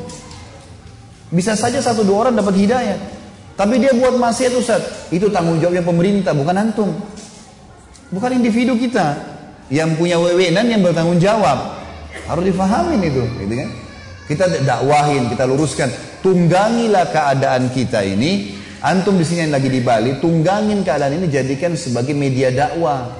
Dakwahin mereka. 10% saja masuk Islam sudah luar biasa. Dan bawa selebaran aja. Selebaran. Bukan hidayah di tangan antum, hidayah di tangan Allah. Ikhtiar saja. Gak lebih daripada itu. Gak lebih daripada itu. Cuma itu saja. Jadi teman-teman jangan salah paham ya. Kita boleh tegas dengan orang kafir. Kalau misal mereka sudah menghina Islam, mereka sudah apa, ini baru kita tegas. Oh nggak boleh, ini hak kami sebagai orang Islam, gitu. Tapi jangan terjemahan keras. Keras lain ini. Dalam Islam tidak ada kekerasan. Tidak ada kekerasan. Tidak boleh keras dengan istri, dengan suami, dengan anak, dengan teman. Tidak boleh keras. Keras ini apa? Kata-katanya nggak enak. Matanya melotot, tangannya melayang. Ini kasar namanya. Jadi terjemahan keras sama kasar ini nggak tepat. Tepatnya itu tegas. Tegas boleh ya. Saya sebagai suami bilang sama istri saya, saya mau kau begini, saya nggak mau kamu begini. Sama anak tegas, jangan begini, harus begini. Itu tegas, itu boleh dalam Islam. Nabi SAW tegas, tapi nggak pernah kasar, nggak pernah kasar. Kasar ini nggak ada dalam Islam. Jadi terjemahan di sini teman-teman sekalian, kalian akan melihat mereka para sahabat Nabi itu tegas terhadap orang-orang kafir. Itu tegas. Ini boleh, ini nggak boleh. Oh ini prinsip agama kami. Kalian perangi, kami perangi, gitu loh. Dan mereka berkasih sayang di antara mereka. Sifatnya para sahabat Allah sebutkan dalam Al-Quran. Tarahum rukka'an Kalian selalu lihat mereka ruku, sujada, selalu sujud, ibadah kepada Allah. Itu cirinya. Ya bertaguna fadla minallahi wa ridwana. Karena mereka selalu mengejar, mencari karunia Allah dan keridoannya. Selalu mau cari surga. Simahum fi ujuhim min atharis sujud. Di wajah mereka kalian akan temukan tanda-tanda sujud. Tanda sujud itu berarti di dahi memang ya. Kenapa? Karena kata Nabi SAW dalam hadis, aku diperintahkan sujud dengan tujuh anggota tubuh. Dahi sama hidung satu, dua telapak tangan, dua lutut, dua kaki. Itu wajar orang sujud, ada tanda sujudnya. Sahabat itu terkenal, semua dahinya mereka hitam. Gitu kan. Kata Allah di sini, kalian melihat di wajah mereka ada tanda bekas sujud. Zaliku zalika mathaluhum fit Taurat. Sahabat-sahabat Nabi itu, itu terjemahannya ya, sudah disebutkan dalam Taurat wa mathaluhum fil, fil Injil dan disebutkan juga dalam Injil kazar'in akhraja syat'ahu fa'azarahu fastagladha fastawa ala suki seperti biji pohon ditanam, tumbuh jadi tunas. Lama-lama nanti jadi besar dan kuat. Yu'jibu zurra'a liyagida bihimul kuffar. Yang nanti kalau sudah besar pohon itu, sudah mulai berbuah, akan membuat penanam-penanamnya bangga, senang. Kata Allah, tujuannya Allah membuat kader-kader sahabat ini agar membuat hati-hati orang kafir itu jengkel. Mereka harus meninggalkan kekufuran mereka. Wa'adallahu alladhina amanu wa amilus salihati minhum maghfiratan wa ajran azima. Allah menjanjikan bagi generasi sahabat ini yang sedang dipuji tadi bersama Nabi SAW orang-orang yang beriman dan beramal soleh di antara mereka pengampunan dan pahala yang besar. Inilah generasi emas Islam. Para sahabat Nabi. Siapa pun yang mencontohi mereka masuk dalam generasi emas Islam. Para sahabat merupakan generasi emas Islam adalah mereka jenis manusia teristimewa tidak akan pernah ada manusia lagi setelah mereka yang terbaik setelah Nabi-Nabi alaihi wassalatu wassalam. Mereka yang telah beriman pada Nabi Muhammad SAW sementara belum ada fasilitas teknologi seperti zaman sekarang. Mereka lah yang telah berjuang sehingga Islam sampai ke tangan saya dan teman anda semuanya. Kalau bukan karena sahabat nggak bakal sampai ke kita. Kita nggak bakal tahu ini Islam. Mereka korbankan hartanya, jiwanya dalam agama dengan dari tangan-tangan mereka ini pula lah Dari tangan-tangan mereka ini pula lah lahir generasi-generasi emas berikutnya sampai hari kiamat. Generasi yang merupakan pasukannya sang pencipta. Kita ini beriman sama Allah, kita ini sekarang pasukannya Allah yang menciptakan langit dan bumi asas tauhid tadi. Ini luar biasa, kita bukan pasukannya raja-raja tertentu manusia, kita pasukan dari langit. Pemimpin di muka bumi dan saksi bagi seluruh umat manusia di hari kiamat. Allah berfirman dalam surah At-Taubah, surah nomor 9 ayat 89 sampai ayat 88 sampai 89. Teman-teman yang punya Quran setiap saya sebutin ayat dibuka ya. Sekalian tadabbur. Itu penting sekali supaya kita tahu oh ternyata betul nih ada dalam Al-Qur'an. Allah berfirman surah At-Taubah surah nomor 9 ayat 88 sampai 89. A'udzu billahi minasyaitonir rajim. Lakinir rasul walladzina amanu ma'ahu jahadu bi amwalihim wa anfusihim wa ulaika lahumul khairat wa ulaika humul muflihun. Rasul Muhammad sallallahu alaihi wasallam dan orang-orang yang beriman bersamanya para sahabat di sini. Mereka berjihad memperjuangkan agama Allah ini dengan harta dan jiwa-jiwa mereka. Mereka itulah orang-orang yang terbaik mendapatkan khairat kebaikan-kebaikan generasi emas dan mereka lah orang-orang yang beruntung A'addallahu lahum jannatin tajri min tahtihal anharu khalidina fiha. Allah menjanjikan buat mereka para sahabat ini surga-surga yang mengalir di bawahnya sungai-sungai dan mereka kekal di dalamnya. Dzalikal fawzul azim. Itulah kemenangan yang tidak terhingga. Teman-teman sekalian, Allah Subhanahu wa taala menjelaskan kepada kita tentang kedudukan sahabat ini melalui lisan nabinya Muhammad sallallahu alaihi wasallam. Nabi SAW bilang mereka adalah pendukung Nabi, mereka adalah penolong Nabi dan mereka punya hubungan kerabat dengan Nabi. Ini nggak gampang. Dengarkan hadisnya. Hadis Sahih riwayat Hakim. Kata Nabi SAW sesungguhnya Allah tabaraka wa ta'ala yang maha tinggi dan maha berkah telah memilihku dan memilih sahabat-sahabat untukku. Kemudian dia Allah menjadikan dari mereka, dari sahabat-sahabat itu, untukku para pendukung, penolong, dan orang-orang yang terikat tali pernikahan denganku. Dengan Nabi SAW. Siapa yang mencaci mereka, maka atasnya laknat Allah. Caci sahabat nih, Allah akan laknat, angkat berkah hidupnya malaikat dan seluruh manusia dan pada hari kiamat seluruh amal wajibnya juga sunnahnya tidak akan diterima darinya. Ini sabda Nabi, hadis sahih riwayat Imam Hakim. Jadi di sini teman-teman, poin pertama kita harus tahu dan jadikan sebagai keyakinan kita sahabat memang dipilih oleh Allah menjadi pendukung, penolong dan punya hubungan kerabat dengan Nabi SAW. Mencintai mereka, cinta Nabi, menghina mereka, berarti menghina Nabi. Yang kedua, Allah Nabi SAW memohon kemuliaan, jaminan kebaikan dan ampunan untuk para sahabatnya. Disebutkan dalam hadis riwayat Bukhari, beliau pernah berkata, "Ya Allah, tidak ada kebaikan, tidak ada kehidupan yang kami harapkan kecuali kehidupan akhirat. Maka muliakanlah kaum muhajirin dan ansar. Muhajirin dari Mekah, sahabat, ansar dari Madinah. Nabi doain khusus. Dalam riwayat lain, Ya Allah perbaikilah. Yang riwayat lain, ampunilah muhajirin dan ansar.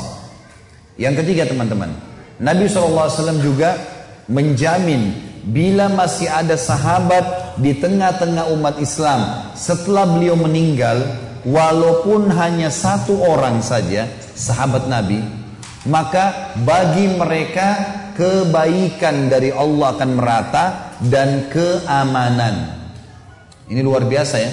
Kalau generasi Islam di tengah-tengah mereka ada satu sahabat Nabi saja, walaupun cuma satu, setelah Nabi meninggal, maka dijamin komunitas itu akan mendapatkan selalu kebaikan dari Allah dan keamanan. Sabda beliau sallallahu alaihi wasallam hadis ini dengan sanad hasan diriwayatkan oleh Ibnu Abi Syaibah dalam kitab Al-Musannaf.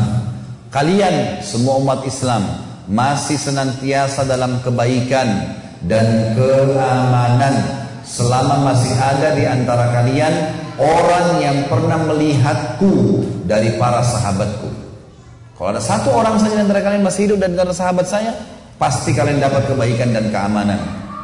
Kata Nabi lanjutannya adalah demi Allah kalian juga akan senantiasa dalam kebaikan dan keamanan selama masih ada di antara kalian orang yang pernah melihat orang yang menjadi sahabatku.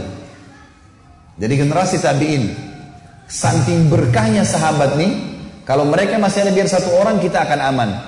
Kalau mereka sudah mati semua, tapi ada di tengah-tengah kita satu orang yang pernah melihat sahabat juga dijamin keamanan.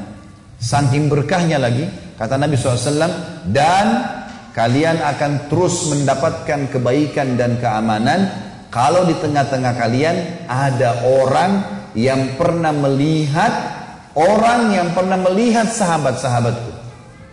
Generasi tabi tabiin. Jadi sampai tiga generasi diberkahi oleh Allah. Saking berkahnya sahabatnya. Satu orang saja ada sudah aman buat kita. Yang keempat, Nabi SAW menjamin kemenangan di medan perang selama ada sahabat. Kalau ada satu orang sahabat, pasti menang tuh pasukan. Nggak pernah kalah. Di Uhud pun itu pertama menang waktu sama Nabi SAW. Nanti setelah ada pemanah-pemanah yang tinggalin lokasi baru kemudian terjadi. Tapi kalau enggak, maka tidak ada sama sekali kekalahan. Selama ada sahabat. Nabi SAW menjamin kemenangan di medan perang selama ada sahabat. Bahkan jaminan tersebut didapatkan bila ada generasi yang pernah bertemu dengan sahabat atau tabi'in atau yang pernah bertemu dengan tabi'in yang bernama tabi' tabi'in. Sabda Nabi Muhammad SAW di dalam hadis. Hadis ini diriwayatkan uh, oleh Imam Bukhari ya. Kata Nabi SAW, akan datang satu masa nanti akan datang satu masa nanti setelah aku meninggal kata Nabi kalian akan menghadapi peperangan pergi berjihad. Nabi sudah meninggal nih. Lalu mereka di, di pasukan itu saling bertanya apakah ada di pasukan yang pernah menyertai Nabi SAW ini di pasukan sekarang ada sahabat nggak lalu mereka menemukan satu orang saja sahabat maka Allah berikan kemenangan karena satu orang itu. Satu sahabat itu. Lalu kata Nabi SAW, kemudian datang nanti masa di mana sahabatku sudah mati semua. Lalu kalian sekelompok dari kalian pergi berjihad.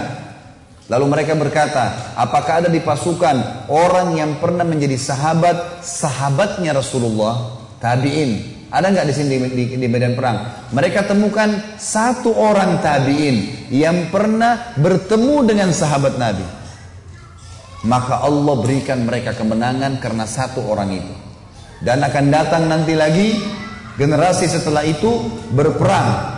Lalu mereka berkata di medan perang, ada nggak di dalam pasukan ini orang yang pernah menjadi sahabat, sahabatnya sahabat-sahabatku, tabi tabiin. Mereka temukan satu orang, maka Allah pun berikan kepada mereka kemenangan. Ini hadis sahih riwayat Bukhari. Saking berkahnya sahabat tuh. Yang kelima teman-teman sekalian, Nabi Muhammad SAW menjadikan kesaksian sahabat adalah sesuatu yang terjadi. Kesaksian mereka. Kalau sahabat bilang ini orang baik, orang baik tuh. Sahabat bilang buruk, buruk.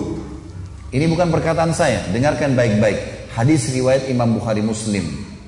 Kata Nabi SAW kepada para sahabatnya, siapa yang kalian, wahai para sahabat-sahabatku, sebutkan kebaikan baginya, maka ia akan mendapatkan surga. Dan siapa yang kalian sebutkan keburukan baginya, maka ia akan masuk neraka. Kalian semua hai sahabatku adalah saksi-saksi Allah di muka bumi. Kalian adalah saksi-saksi Allah di muka bumi. Ini sabda Nabi semua ya. Sudah lima poin kelebihan sahabat. Ini sangat luar biasa bentrok dengan keyakinan orang Syiah. Yang mencaci maki sahabat. Siapa mereka yang mau caci maki sahabat? Generasi yang sudah bertemu dengan Nabi. Ketemu Nabi sudah luar biasa.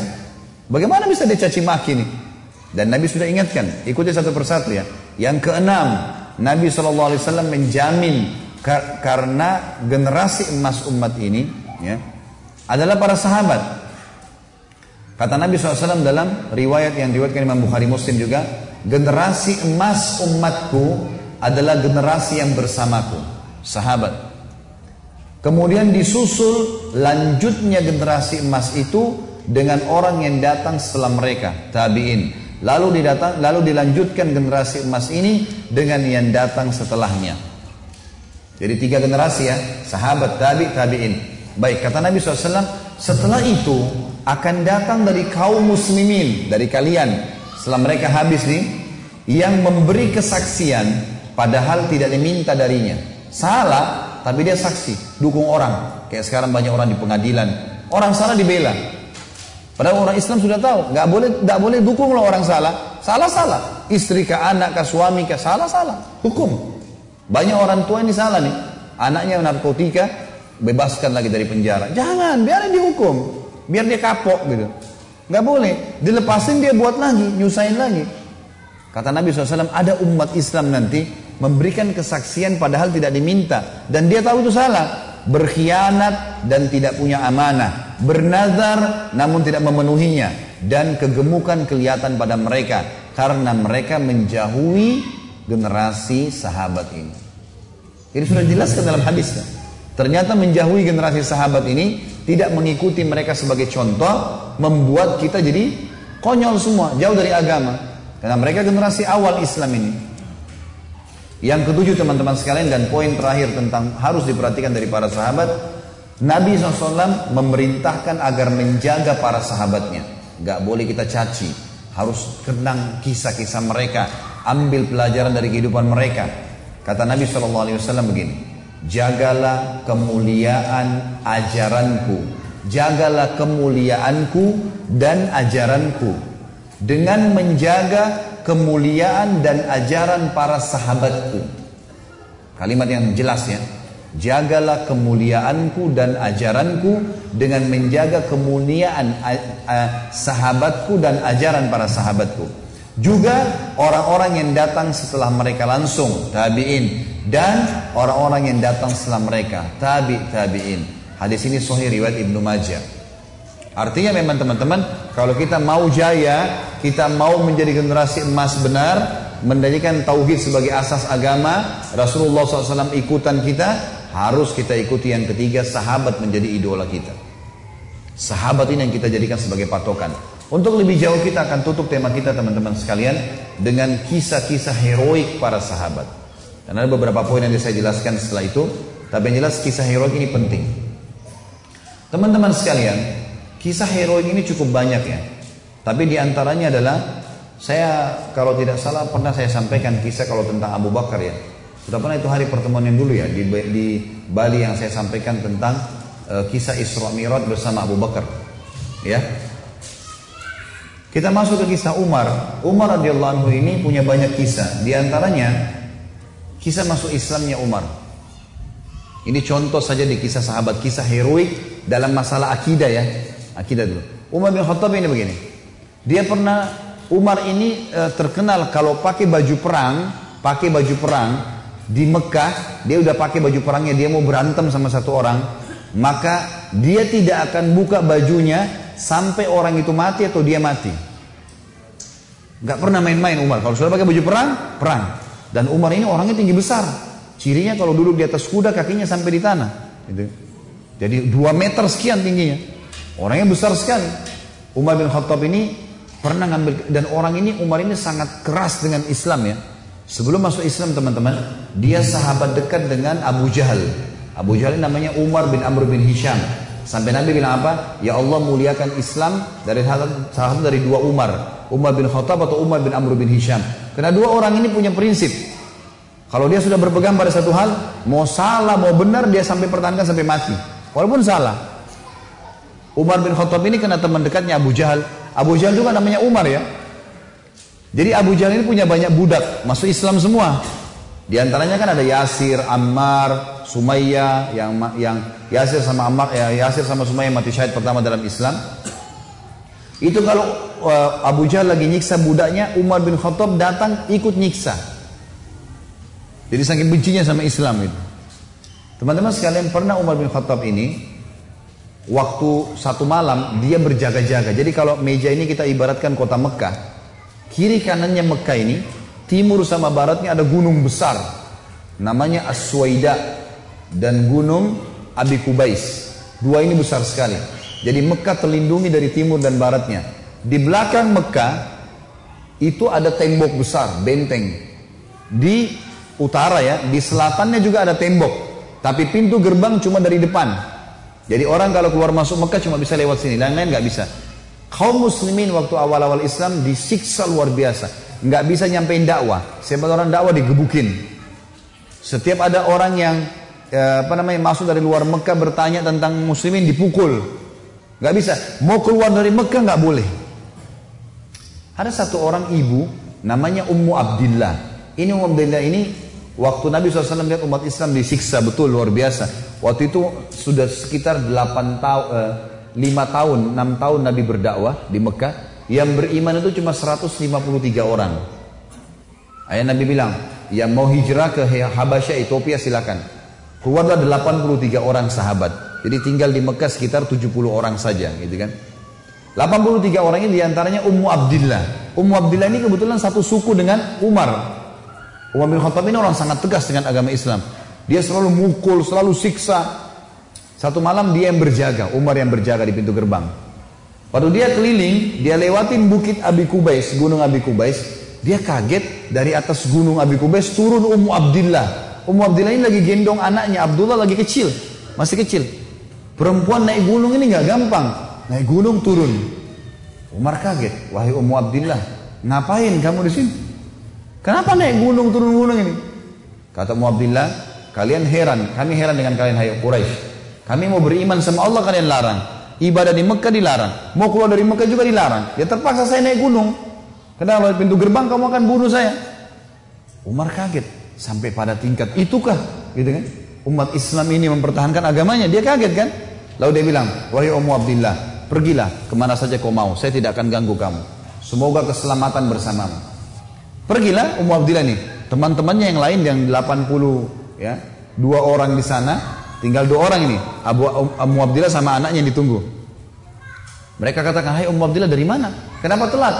Tadi saya naik gunung dulu. Lama. Terus kata mereka, "Syukurlah alhamdulillah kau selamat." Ada orang Quraisy yang lihat enggak? Dia bilang tidak ada, kecuali Umar bin Khattab. Kaget mereka. Umar itu musibah besar. Ya, Umar ini luar biasa benci sama Islam gitu kan. Kata Ummu Abdillah, tapi dia doain saya. Mungkin, kata ada satu orang sahabat bilang, mungkin Ummu Abdillah kau penyebab dia masuk Islam. Apa jawaban sahabat yang lain? Semuanya. Saking susahnya Umar masuk Islam waktu itu. Mereka bilang, kalau Umar syahadat, unta juga bisa syahadat. Saking gak mungkinnya gitu loh. Gak mungkin orang ini syahadat. Oh tiap hari siksa kita kok. Gimana caranya dia bisa masuk Islam? Ringkas cerita, pokoknya Umar ini berpikir terus Ummu Abdillah ini. Kenapa kok agama ini sampai bisa buat perempuan gendong anaknya naik gunung mau lari? Apa ini gitu? Dia keluar besoknya pakai baju perang, bawa pedang, ingin membunuh Nabi Muhammad SAW. Keluar. Untuk itu memang dia keluar. Untuk bunuh Nabi. Dia ketemu sama satu orang sahabat yang pura-pura yang sembunyikan Islamnya. Tanya, Hai Ibnu Khattab mau ke mana kau? Mereka sudah tahu kalau pakai baju perang pasti bunuh orang nih. Dan Umar ini orangnya sangat kuat ya. Umar sama Hamzah ini dua orang yang terkenal teman-teman kalau berburu, burunya itu singa. Dia masuk Mekah gendong singa, tangan kanannya satu, di pundak kanannya satu pegang pedang. Beratnya singa itu digendong satu kali. Tapi begitulah Umar. Gitu. Dia jalan, kata sahabatnya, kau mau ke mana Ibnu Khattab? Dia bilang, saya mau bunuh Muhammad. Dialah yang telah memecahkan masyarakat Mekah nih. Begini, begitu, macam-macam. Sahabat ini takut Nabi benar-benar diperangi nih. Maka sahabat ini bilang, kenapa kau urus Muhammad? Adikmu, adiknya Umar namanya Fatimah. Sama adik iparmu, namanya Said ibn Zaid. Said ibn Zaid ini salah satu dari sepuluh yang jamin masuk surga ya. Adik iparnya Umar. Sudah masuk agamanya Muhammad. Tujuannya sahabat ini sampaikan supaya Umar nggak ke Nabi gitu. Pergilah Umar. Dia bilang, apa betul adik saya sudah murtad tinggalin agamanya? Kata dia, silahkan kamu lihat sendiri. Pergilah ke sana. Rupanya si Fatimah sama Said, suami istri ini, adiknya Umar dan adik iparnya Umar, sedang belajar Al-Quran dengan sahabat Nabi yang lain namanya Khabbab bin Arad. Salah satu budak yang pernah Abu Bakar bayar, tebus jadi hafal Quran, banyak bisa Al-Quran lalu mengajar gitu. Waktu Umar datang, suara telapak kakinya Umar kedengar. Karena memang badannya besar. Dobrak pintu. Fatimah sembunyiin Al-Quran. Khabab bin Murad disembunyiin dalam kamar gitu kan. Oleh Said bin Zaid. Lalu kata Umar, apa yang tadi saya dengar tuh? Kata Fatimah, nggak ada apa-apa. Dia bilang, ada tadi. Saya dengar sesuatu. Apakah itu yang dibawa oleh Muhammad? Kata Fatimah, iya. Gitu kan. Lalu kata Umar, berikan kepada saya. Minta Al-Quran. Kata Fatimah, nggak bisa. Kamu najis, hai Umar. Kamu kafir, nggak boleh kamu sentuhin. Gitu kan. Maka Umar kena marah, dia mau diambil secara paksa. Fatimah tahan, ditampar, jatuh Fatimah, berdarah bibirnya. Said, suaminya marah, mau membela, tapi Umar lebih kuat. Dipukul lagi Said, jatuh. Waktu Said sama Fatimah jatuh, Umar berpikir lagi, agama apa ini? Kok bisa sampai begini nih? Ada perempuannya tidak pernah bantah kok sampai pertahankan, berani lawan dia. Laki-laki jadi muka banyak takut sama Umar, apalagi ini anak adik perempuan kok bisa berani? Agama apa ini? Penasaran dia. Dia bilang coba kasih saya. Saya mau tahu apa ini. Kata Fatimah, kau najis. Kalau mau mandi dulu. Mandilah dia. Habis mandi pulang Umar baca surat Toha. Begitu baca surat Toha.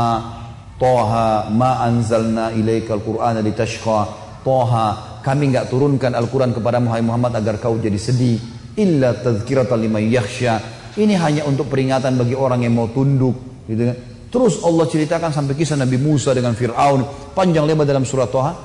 Ini Umar baru pertama kali baca. Dalam bahasa dia. Ngerti bahasa Arab. Tersentuh dia. Rupanya Umar ini suaranya keras. Tiba-tiba jadi lembut suaranya. Dia bilang, tunjukkan saya di mana rumahnya Muhammad. Habab bin Arad, sahabat Nabi yang guru ngaji tadi dalam kamar dengar. Dia keluar. Saya tunjukin sama kamu. Dia tahu nih orang pasti sudah lunak hatinya. Baiklah, jalan berdua. Khabab bin Arat ini jalan di sebelah Umar. Umar dengan pedangnya, dengan perisainya. Menuju ke Darul Arkam. Tempatnya umat Islam lagi belajar gitu kan. Di lantai dua, rumah ini Darul Arkam dua lantai. Lantai dua ini ada sahabat yang memantau. Kalau ada orang Quraisy datang, disuruh bubar. Dari jauh dilihat Umar jalan, baju perang, pegang pedang. Khabab bin Arat di sebelahnya. Teriak dia, Khabab bin Arad ditawan oleh Umar. Gitu kan. Datang Umar bin Khattab mau membunuh kita nih. Sahabat di bawah sudah ribut semua. Umar ini teman-teman nanti dengar kisahnya setelah masuk Islam. Tidak pernah takut. Mau yang dia hadapi 100 orang, mau 1000 orang, dia sendirian dia lawan. Enggak takut pokoknya. Enggak ada takutnya sudah. Ini urat nadi takutnya sudah habis sudah enggak ada. Subhanallah, dia waktu dekat Hamzah sudah masuk Islam sebelumnya. Hamzah juga orang kuat. Hamzah bilang ya Rasulullah, bukain pintu. Kalau dia berani macam-macam saya yang hadapi. Saya mati tuh dia mati. Kata Nabi SAW masukkan Hamzah ke dalam kamar. Hamzah suruh masuk dalam kamar. Buka pintu. Dibuka pintu. Waktu Umar datang, lihat Nabi langsung tundukin matanya. Nabi datang, pegang pundaknya sama Nabi. Lalu Nabi goncang dengan kuat sambil mengatakan, Hai Ibnu Khattab, belum tibakah saatnya kau tunduk kepada Allah dan Rasulnya? Maka Umar diam. Dikoncang kedua kali. Wahai Ibnu Khattab, belum tiba saatnya kau beriman pada Allah dan Rasulnya. Umar jatuh terlutut depan Nabi.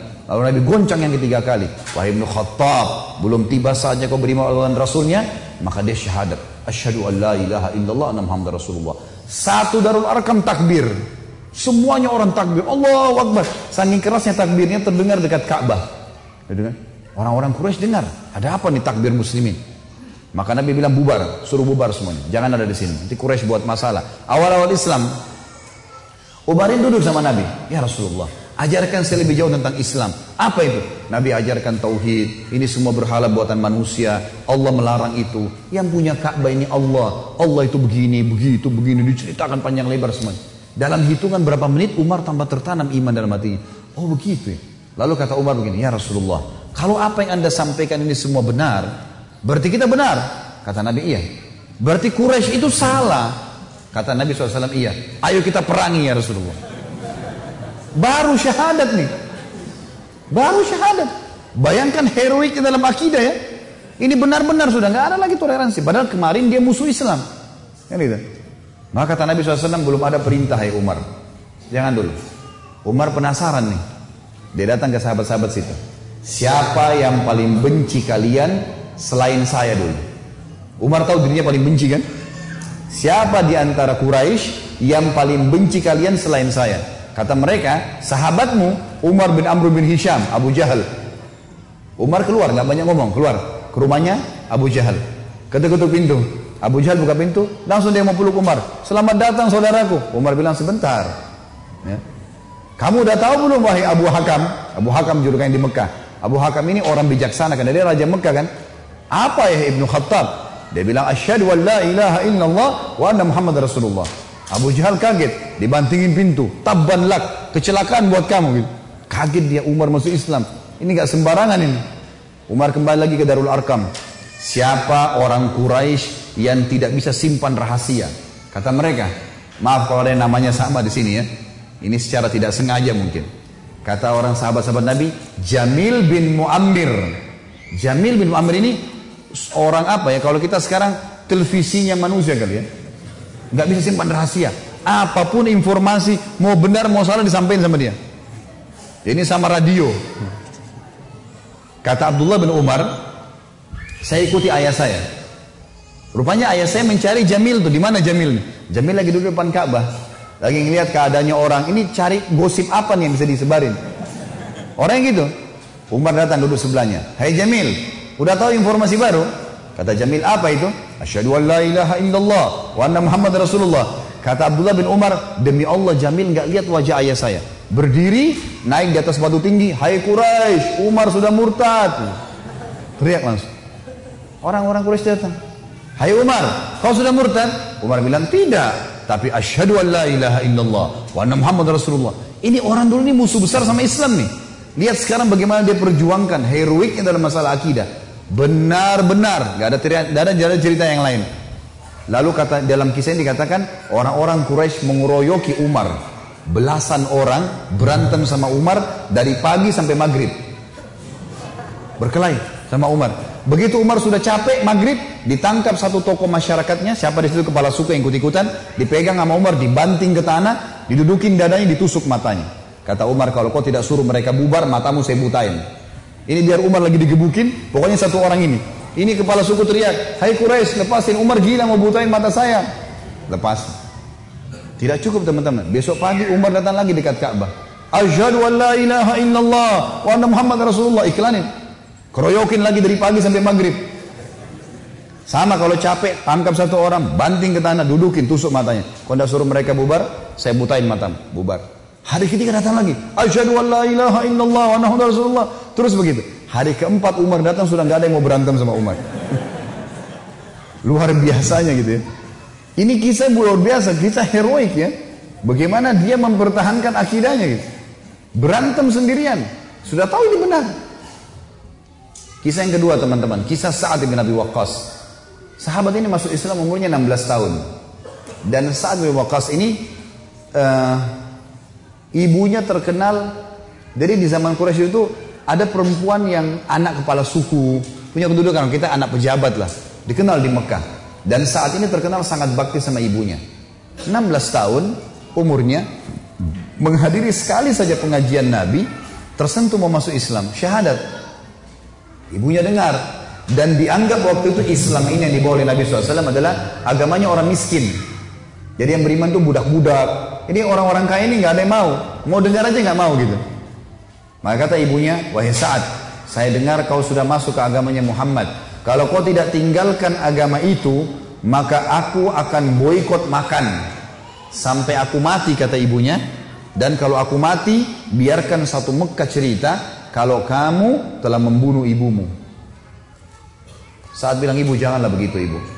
Saya beriman karena saya tahu ini kebenaran. Kalau siapa tahu juga kamu mau ikut dan tidak modal. Ternyata ibunya betul nih. Dari pagi sampai malam, menjelang malam tidak makan, tidak minum. Sampai lemes, pucat wajahnya ibunya. Lalu ibunya bilang, hai saat, ini 16 tahun ya. Dalam masalah akidah teman-teman sekalian. Kata ibunya begini, wahai saat, kau sudah lihat saya pucat, saya lemah, sebentar lagi demi Lat dan Uzza. Ini nama Tuhannya mereka patung. Saya akan mati. Ingat, kau bunuh saya. Kamu yang rusak, namamu akan rusak di masyarakat dan dan seterusnya. Lalu saat datang bisikin ibunya kalimat begini. Dia mengatakan, wahai ibu, ketahui dan camkan baik-baik. Jangankan ibu punya satu nyawa. Kalau ibu punya seribu nyawa, seribu nyawa. Semuanya mati, hidup, mati, hidup. Sampai seribu habis, ibu saya, saya tinggalkan agama ini, saya tidak akan tinggalkan. Ibu mau makan, silakan. Tidak mau makan, mati pun tidak apa-apa. Ibunya lihat serius anaknya, akhirnya makan. Tapi saat umur 16 tahun, pertahankan agamanya. Sampai turun firman Allah untuk saat radhiyallahu anhu. Firman Allah ini surah Al-Ankabut, surah nomor 29 ayat 8. Ini turun kepada beliau. Bunyinya a'udzubillahi minasyaitonir wa wassaynal insana biwalidayhi husna wa in jahadaka litusyrika bima laysa laka bihi ilm fala tuti'huma wa sahibuhuma uh, wala tuti'huma ilayya marji'ukum fa unabbi'ukum bima kuntum dan kami wajibkan manusia berbuat baik kepada kedua orang tua ibu bapak dan jika keduanya memaksamu untuk mempersekutukan aku kata Allah dengan sesuatu yang tidak ada pengetahuanmu tentang itu maka jangan kau mengikuti keduanya. Bakti sama orang tua kafir silakan tapi jangan pernah melanggar masalah akidah. Tetap Allah Tuhan. Hanya kepadaku lah kalian akan dikembalikan, lalu aku kabarkan kepada kalian apa yang kalian kerjakan. Inilah teman-teman sekalian kisah berhubungan dengan masalah akidah. Masih ada waktu nggak? Berapa menit lagi? Baik, mudah-mudahan keburu ya.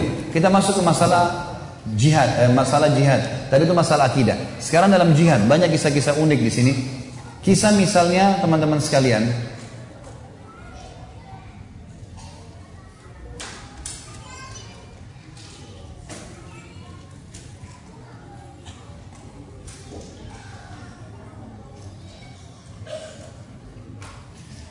Ada seorang sahabat bernama Umair bin Hamam.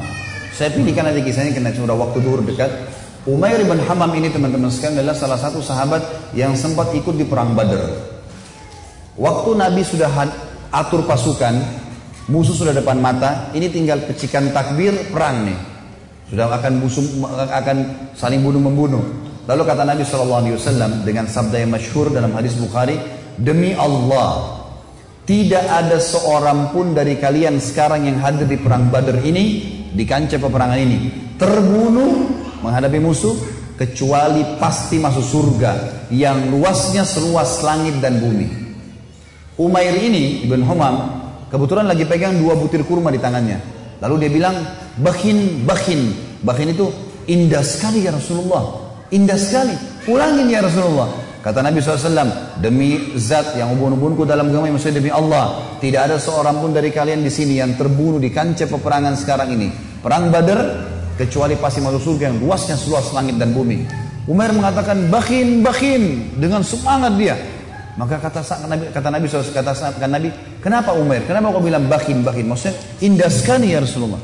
Kata Umar ya Rasulullah, aku tinggal masuk ke medan perang ini. Dibunuh oleh mereka orang-orang kafir ini. Masuk surga? Tanpa hisap seluas langit dan bumi? Kata Nabi SAW iya. Kata Umair itulah sebabnya saya mengatakan bakin ya Rasulullah saya akan kejar tuh. Baik. Umair ini rupanya dia manggil kurma dia kunyah nih. Sudah mulai pecikan tangan. Allahu Akbar sudah mau saling nyerang nih. Umair makan dulu kurmanya ada dua butir kurma. Waktu dia lagi makan dia bilang wahai Umair Sesungguhnya kalau kau habiskan kurmamu ini, masih lama kamu dapat surga. Dibuang sama dia, dia maju berperang sampai terbunuh mati syahid. Lihat heroiknya sahabat ya. Bagaimana mereka langsung menyambut apa yang disampaikan Allah dan Rasulnya. Kisah yang unik adalah kisah dua orang yang bernama anak muda ini. Mu'ad dan adiknya Auf bin Afra. Ini teman-teman, Mu'ad ini umurnya 16 tahun. Adiknya Auf namanya, ini umurnya 15 tahun.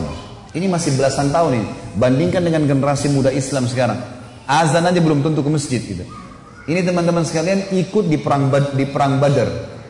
Waktu ikut di perang Badar, Abdurrahman ibn Auf menceritakan kepada kita mengatakan, waktu saya lagi lihat peperangan sudah akan berkecamuk nih, udah mulai mau berperang musuh, tiba-tiba ada satu orang anak muda 16 tahun namanya Mu'al berkata kepada saya kepada Abdurrahman bin Auf, "Paman, mana Abu Jahal?" Kata Abdurrahman, "Kenapa kau tanya Abu Jahal?" Kata Mu'al, saya dengar dia orang yang paling suka menyakiti Nabi SAW di Mekah. Benar? Kata Abdurrahman, iya benar. Terus untuk apa kau tanya? Saya mau bunuh paman. Ini Abu Jahal ini saya mau bunuh. Kata Abdurrahman, baiklah. Kalau saya lihat nanti, saya akan beritahukan kau dia. Karena ini peperangan orang-orang lagi berkecamuk nih, kita belum tahu. Nanti kalau kelihatan saya lihat. Maka si Mu'ad nunggu di sebelah. Datang adiknya namanya Auf. Tanpa janjian nih, adiknya dia, umurnya 15 tahun. Datang sebelah tanya yang sama, paman, mana namanya Abu Jahal? Kata Abdurrahman, kenapa kau tanya? Saya dengar dia paling suka menyiksa Nabi SAW di Mekah. Benar? Benar. Untuk apa kau tanya? Saya mau bunuh paman. Kata Abdurrahman, baiklah. Kalau saya lihat saya akan tunjukkan. Kata Abdurrahman, sementara dua di kiri kanan saya ini, ini sudah ada gemuruh-gemuruh suara orang sudah mau perang. Tiba-tiba Abu Jahal dari kejauhan kelihatan. Abu Jahal itu dari kepalanya sampai kakinya Kudanya juga sampai kakinya semuanya besi. Yang kelihatan cuma matanya saja. Dia dulu di atas kuda, dikelilingi oleh 10 baris pasukan. Lingkar. Nggak bisa ditembus ini. Bayangkan kalau satu orang berdiri, ada orang buat lingkaran, lingkaran pertama, lingkaran kedua, sampai 10 lingkaran. Gimana caranya menembus nih? Kata Abdurrahman, waktu saya lihat saya bilang, itu Abu Jahal. Waktu saya bilang itu Abu Jahal, kata Abdurrahman, demi Allah, si Mu'al sama Auf seperti dua anak panah yang melesit ya dilepas dari busurnya. Lari dua-dua ini. Menembus 10 baris itu. Tebas sana tebas sini naik di atas pundaknya sampai ke Abu Jahal. Dan dua-duanya menebasin pedangnya sampai kena ke pahanya Abu Jahal. Sobek pahanya Abu Jahal ini berdarah jatuh dari kuda gitu kan. Abu Jahal ini rajanya mereka ya rajanya orang-orang Mekah waktu itu dan kalau ini kalah ini mati berbubar semua di pasukan yang terjadi teman-teman sekalian, si Auf, si adik ini 15 tahun, dikeroyoki oleh pengawal-pengawalnya Abu Jahal mati syahid. Si Mu'adz ini sempat nangkis-nangkis, tangannya kena tebasan pedang. Tapi dia sempat keluar gitu kan. Dia keluar dari medan perang, 16 tahun teman-teman sekalian. Diambil imamahnya, diikat tangannya sama dia. Yang sobek itu, diikat sama dia. Dia masuk belan, melawan satu tangan. Waktu dia lagi perang, dia rasa tangannya ini mengganggu dia. Kesakitan kan? Dia mau cari mati syahid nih. Dia keluar ke kancah peperangan, tangannya ini diinjak sama kakinya, ditarik sama dia. Diputus sekalian. Dia masuk berperang sampai terbunuh teman-teman sekalian. 15 sama 16 tahun yakin mati di medan perang ini adalah syahid. Gak ada rasa takut sama sekali. Ini luar biasa bagaimana. Kisah yang lain Abu Dujana. Abu Dujana radhiyallahu anhu ini sahabat Nabi Pernah begini, Syammah ibn, eh, namanya dia Syammah ya. Beliau pernah ini eh, Nabi SAW pegang pedang di perang Uhud. Udah masuk waktu? Hah? Hah?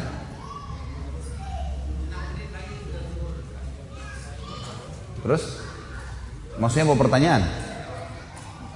Butuh tanya jawab atau materi nih? Nah? Kalau saya sih lebih fokus ke materi ya. Lanjut saja ya. Iya, lebih baik kalau antum pulang bawa ilmunya mungkin lebih bermanfaat daripada ada pertanyaan. Insya Allah kalau ada waktu lain, kalau enggak ini. Baiklah, Syammah ibn Harith ini radhiyallahu anhu, beliau pernah teman-teman sekalian Nabi SAW henuskan pedang di perang Uhud, lalu beliau berkata, siapa yang bisa, siapa yang mau memberikan haknya Allah dan Rasulnya di pedang ini, maka Hamzah berdiri mengatakan saya Rasulullah. Nabi SAW tarik, nggak dikasih sama dia. Kemudian Nabi bilang lagi, siapa yang akan memberikan haknya Allah dan Rasul di pedang ini? Ali bin Abi Thalib berdiri, mau pegang. Nabi SAW tarik. Hamzah dan Ali ini terkenal pejuang kesatria Islam yang kuat gitu kan. Nabi nggak kasih. Nabi ulangi lagi yang ketiga, siapa yang memberikan haknya Allah dan Rasulnya di pedang ini? Maka berdiri lagi teman-teman sekalian, sahabat Nabi yang ketiga, yang sangat terkenal juga adalah uh, Mikdad. Mikdad ini terkenal, Umar bin Khattab jadikan dia seperti kekuatan seribu orang. Saya Rasulullah, Nabi SAW tarik, gak dikasih. Nabi ulangi yang keempat kali. Siapa yang memberikan hak Rasulullah di di pedang ini? Maka Abu Dujana ini, Syammah ini berdiri mengatakannya Rasulullah. Apa haknya Allah dan Rasulnya di pedang itu? Maka kata Nabi SAW, engkau mengambilnya dan engkau menghantamkan ke musuhmu. Pakai perang ini sampai pedang ini bengkok. Kata Syammah, baik ya Rasulullah, saya akan berikan haknya. Kasih ke saya pedang itu. Maka Nabi SAW pun memberikan pedang itu. Karena Nabi SAW ingin sahabat ini bertanya dulu apa haknya Allah Rasulullah di pedang itu. Maka diambil oleh Abu Dujana. Lalu Abu Dujana ini memegang pedangnya Lalu imamanya tadinya warna merah, warna hitam, diganti warna merah sama dia. Zaman itu kalau pakai imamah merah berarti mau mati gitu. Dipakai warna merah sama dia, pedang itu dipakai, dipegang di dadanya sambil dia mengayun-ayunkan pedang itu di hadapan musuh orang Quraisy di perang Uhud ya. Belum perang ini. Lalu Nabi SAW lihat, Nabi mengatakan, sungguh perilakunya Syammah ini dibenci oleh Allah. Tidak disuka sama Allah nih, perilaku sombong. Kecuali di posisi seperti ini. Kecuali di medan perang boleh kalian tunjukkan keterampilan kalian depan musuh. Tapi kalau enggak, ya di ini Allah marah. Maka Abu Dujana pun akhirnya memegang pedang tersebut teman-teman sekalian.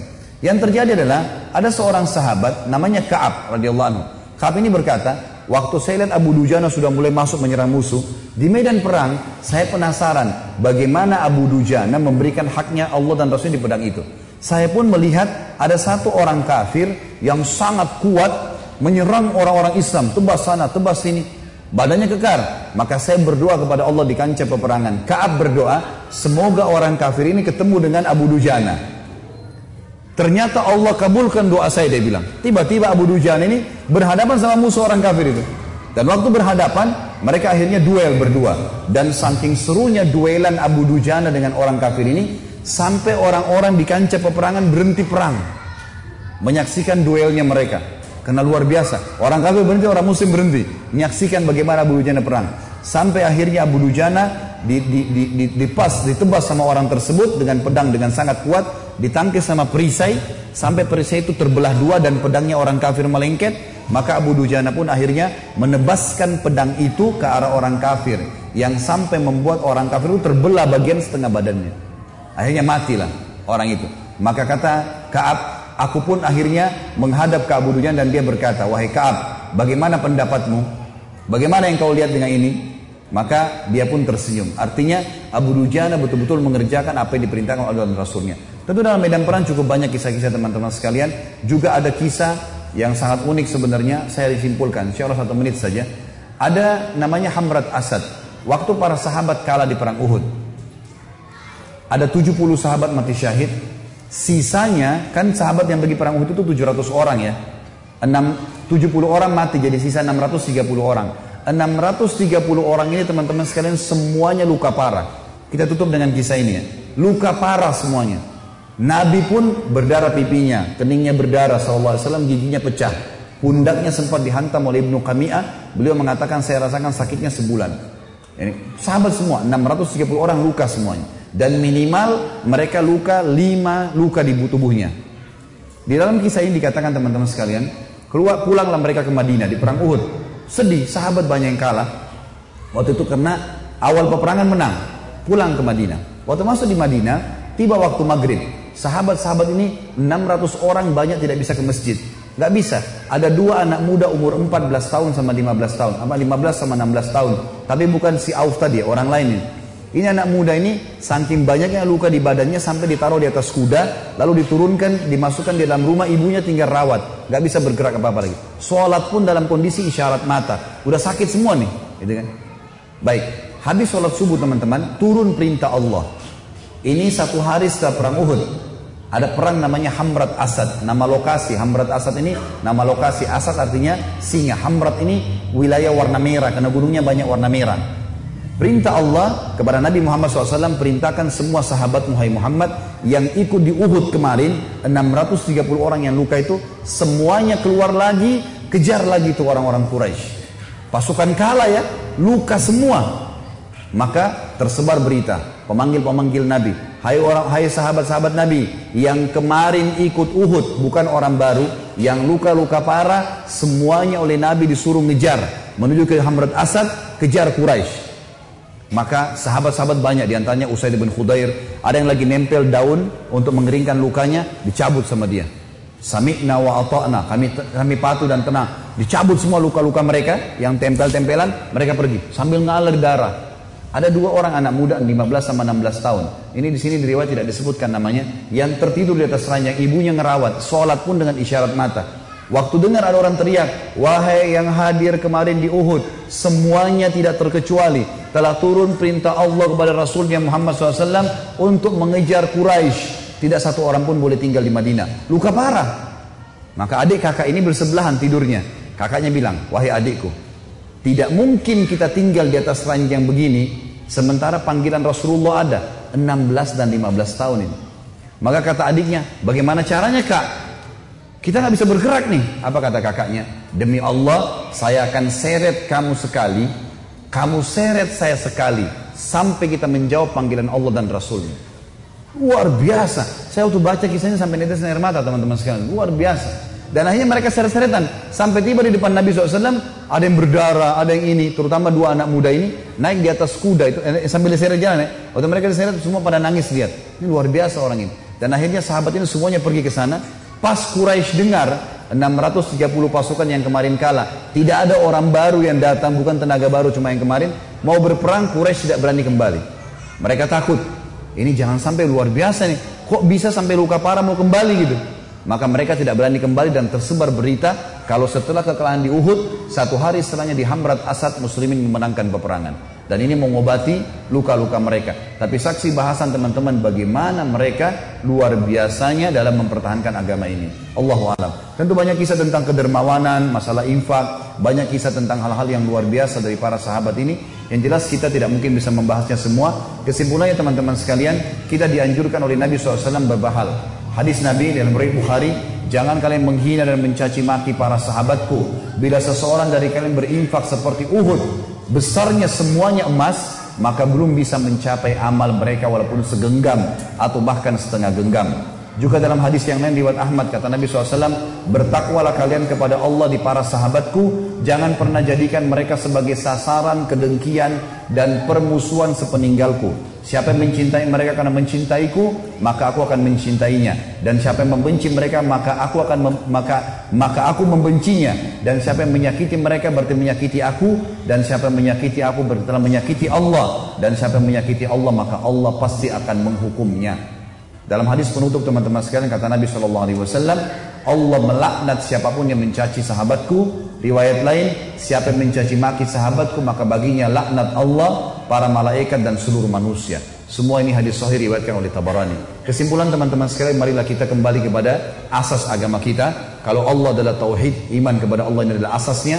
Membenarkan risalah Nabi Muhammad SAW dan mengikuti para sahabat. Inilah generasi yang sahabat. Inilah generasi yang selamat. Pegang hadis Nabi SAW. Ini penutup kalimat saya. Kata Nabi SAW, terpecah umatku menjadi 70 Nasrani, Yahudi 71 golongan, Nasrani 70 golongan dan umatku 73 golongan. Semuanya masuk neraka kata Nabi SAW. Umatku yang 73 itu pasti masuk neraka dulu. Ada satu yang tidak. Masuk surga tanpa hisap. Nggak lewat neraka dulu. Yang 72 masuk neraka semuanya. Kata para sahabat ya Rasulullah. Siapa yang satu itu? Jawaban Nabi. Maka ana alaihi wa ashabi. Orang yang mengikuti aku dan mengikuti sahabat-sahabatku. Ini pasti tidak akan menyimpang. Karena memang wahyu turun kepada Nabi SAW dan sahabat yang menerimanya. Allahu alam. Kita berdoa kepada Allah SWT semoga bahasan kita bermanfaat buat kita semua dan menjadikan ini sebagai tambahan amal kita pada hari kiamat. Semoga semua yang sakit disembuhkan penyakitnya, yang tidak utang dilunasi utangnya, yang belum dapat hidayah dimudahkan untuk dapat hidayah, yang sudah dapat hidayah dimudahkan untuk mengamalkan dan tidak pernah lupa kita berdoa untuk saudara kita di Muslim di Palestina, di Syria, di Yaman, di Irak, di Myanmar, di Aqsa, di mana pun mereka berada sedang tertindas semoga Allah ikhlaskan niat mereka terima para syuhada mereka muliakan Islam di tangan mereka dan tangan kita semua dan semoga Allah dengan kemahamurahannya menyatukan kita semua di surga Firdaus yang tanpa hisab di mana ia satukan kita di majlis ilmu yang mulia ini. Pada benar dari Allah tentunya kalau ada salah saya mohon dimaafkan. Sebelum kafaratul majlis insya Allah nanti malam masih ada ceramah kita dengan uh, judul tertentu ada brosur ada perayaan di depan sana. Besok juga masih ada ceramah satu kali. Insya Allah mudah-mudahan tidak ada halangan kalau di waktu-waktu dua ceramah ini ada jeda, saya akan berikan kesempatan bertanya sebagaimana semalam juga ada tema kita yang saya sudah berikan kesempatan bertanya. Dan juga teman-teman saya ajak untuk mendatangi web resmi di www.khalidbasrama.com. Di situ ada 425 ceramah yang bisa diterima atau bisa didengarkan insya Allah. Subhanakallahumma bihamdika asyhadu an la ilaha illallah astaghfirullah wa atubu ilaik. Wassalamualaikum warahmatullahi wabarakatuh.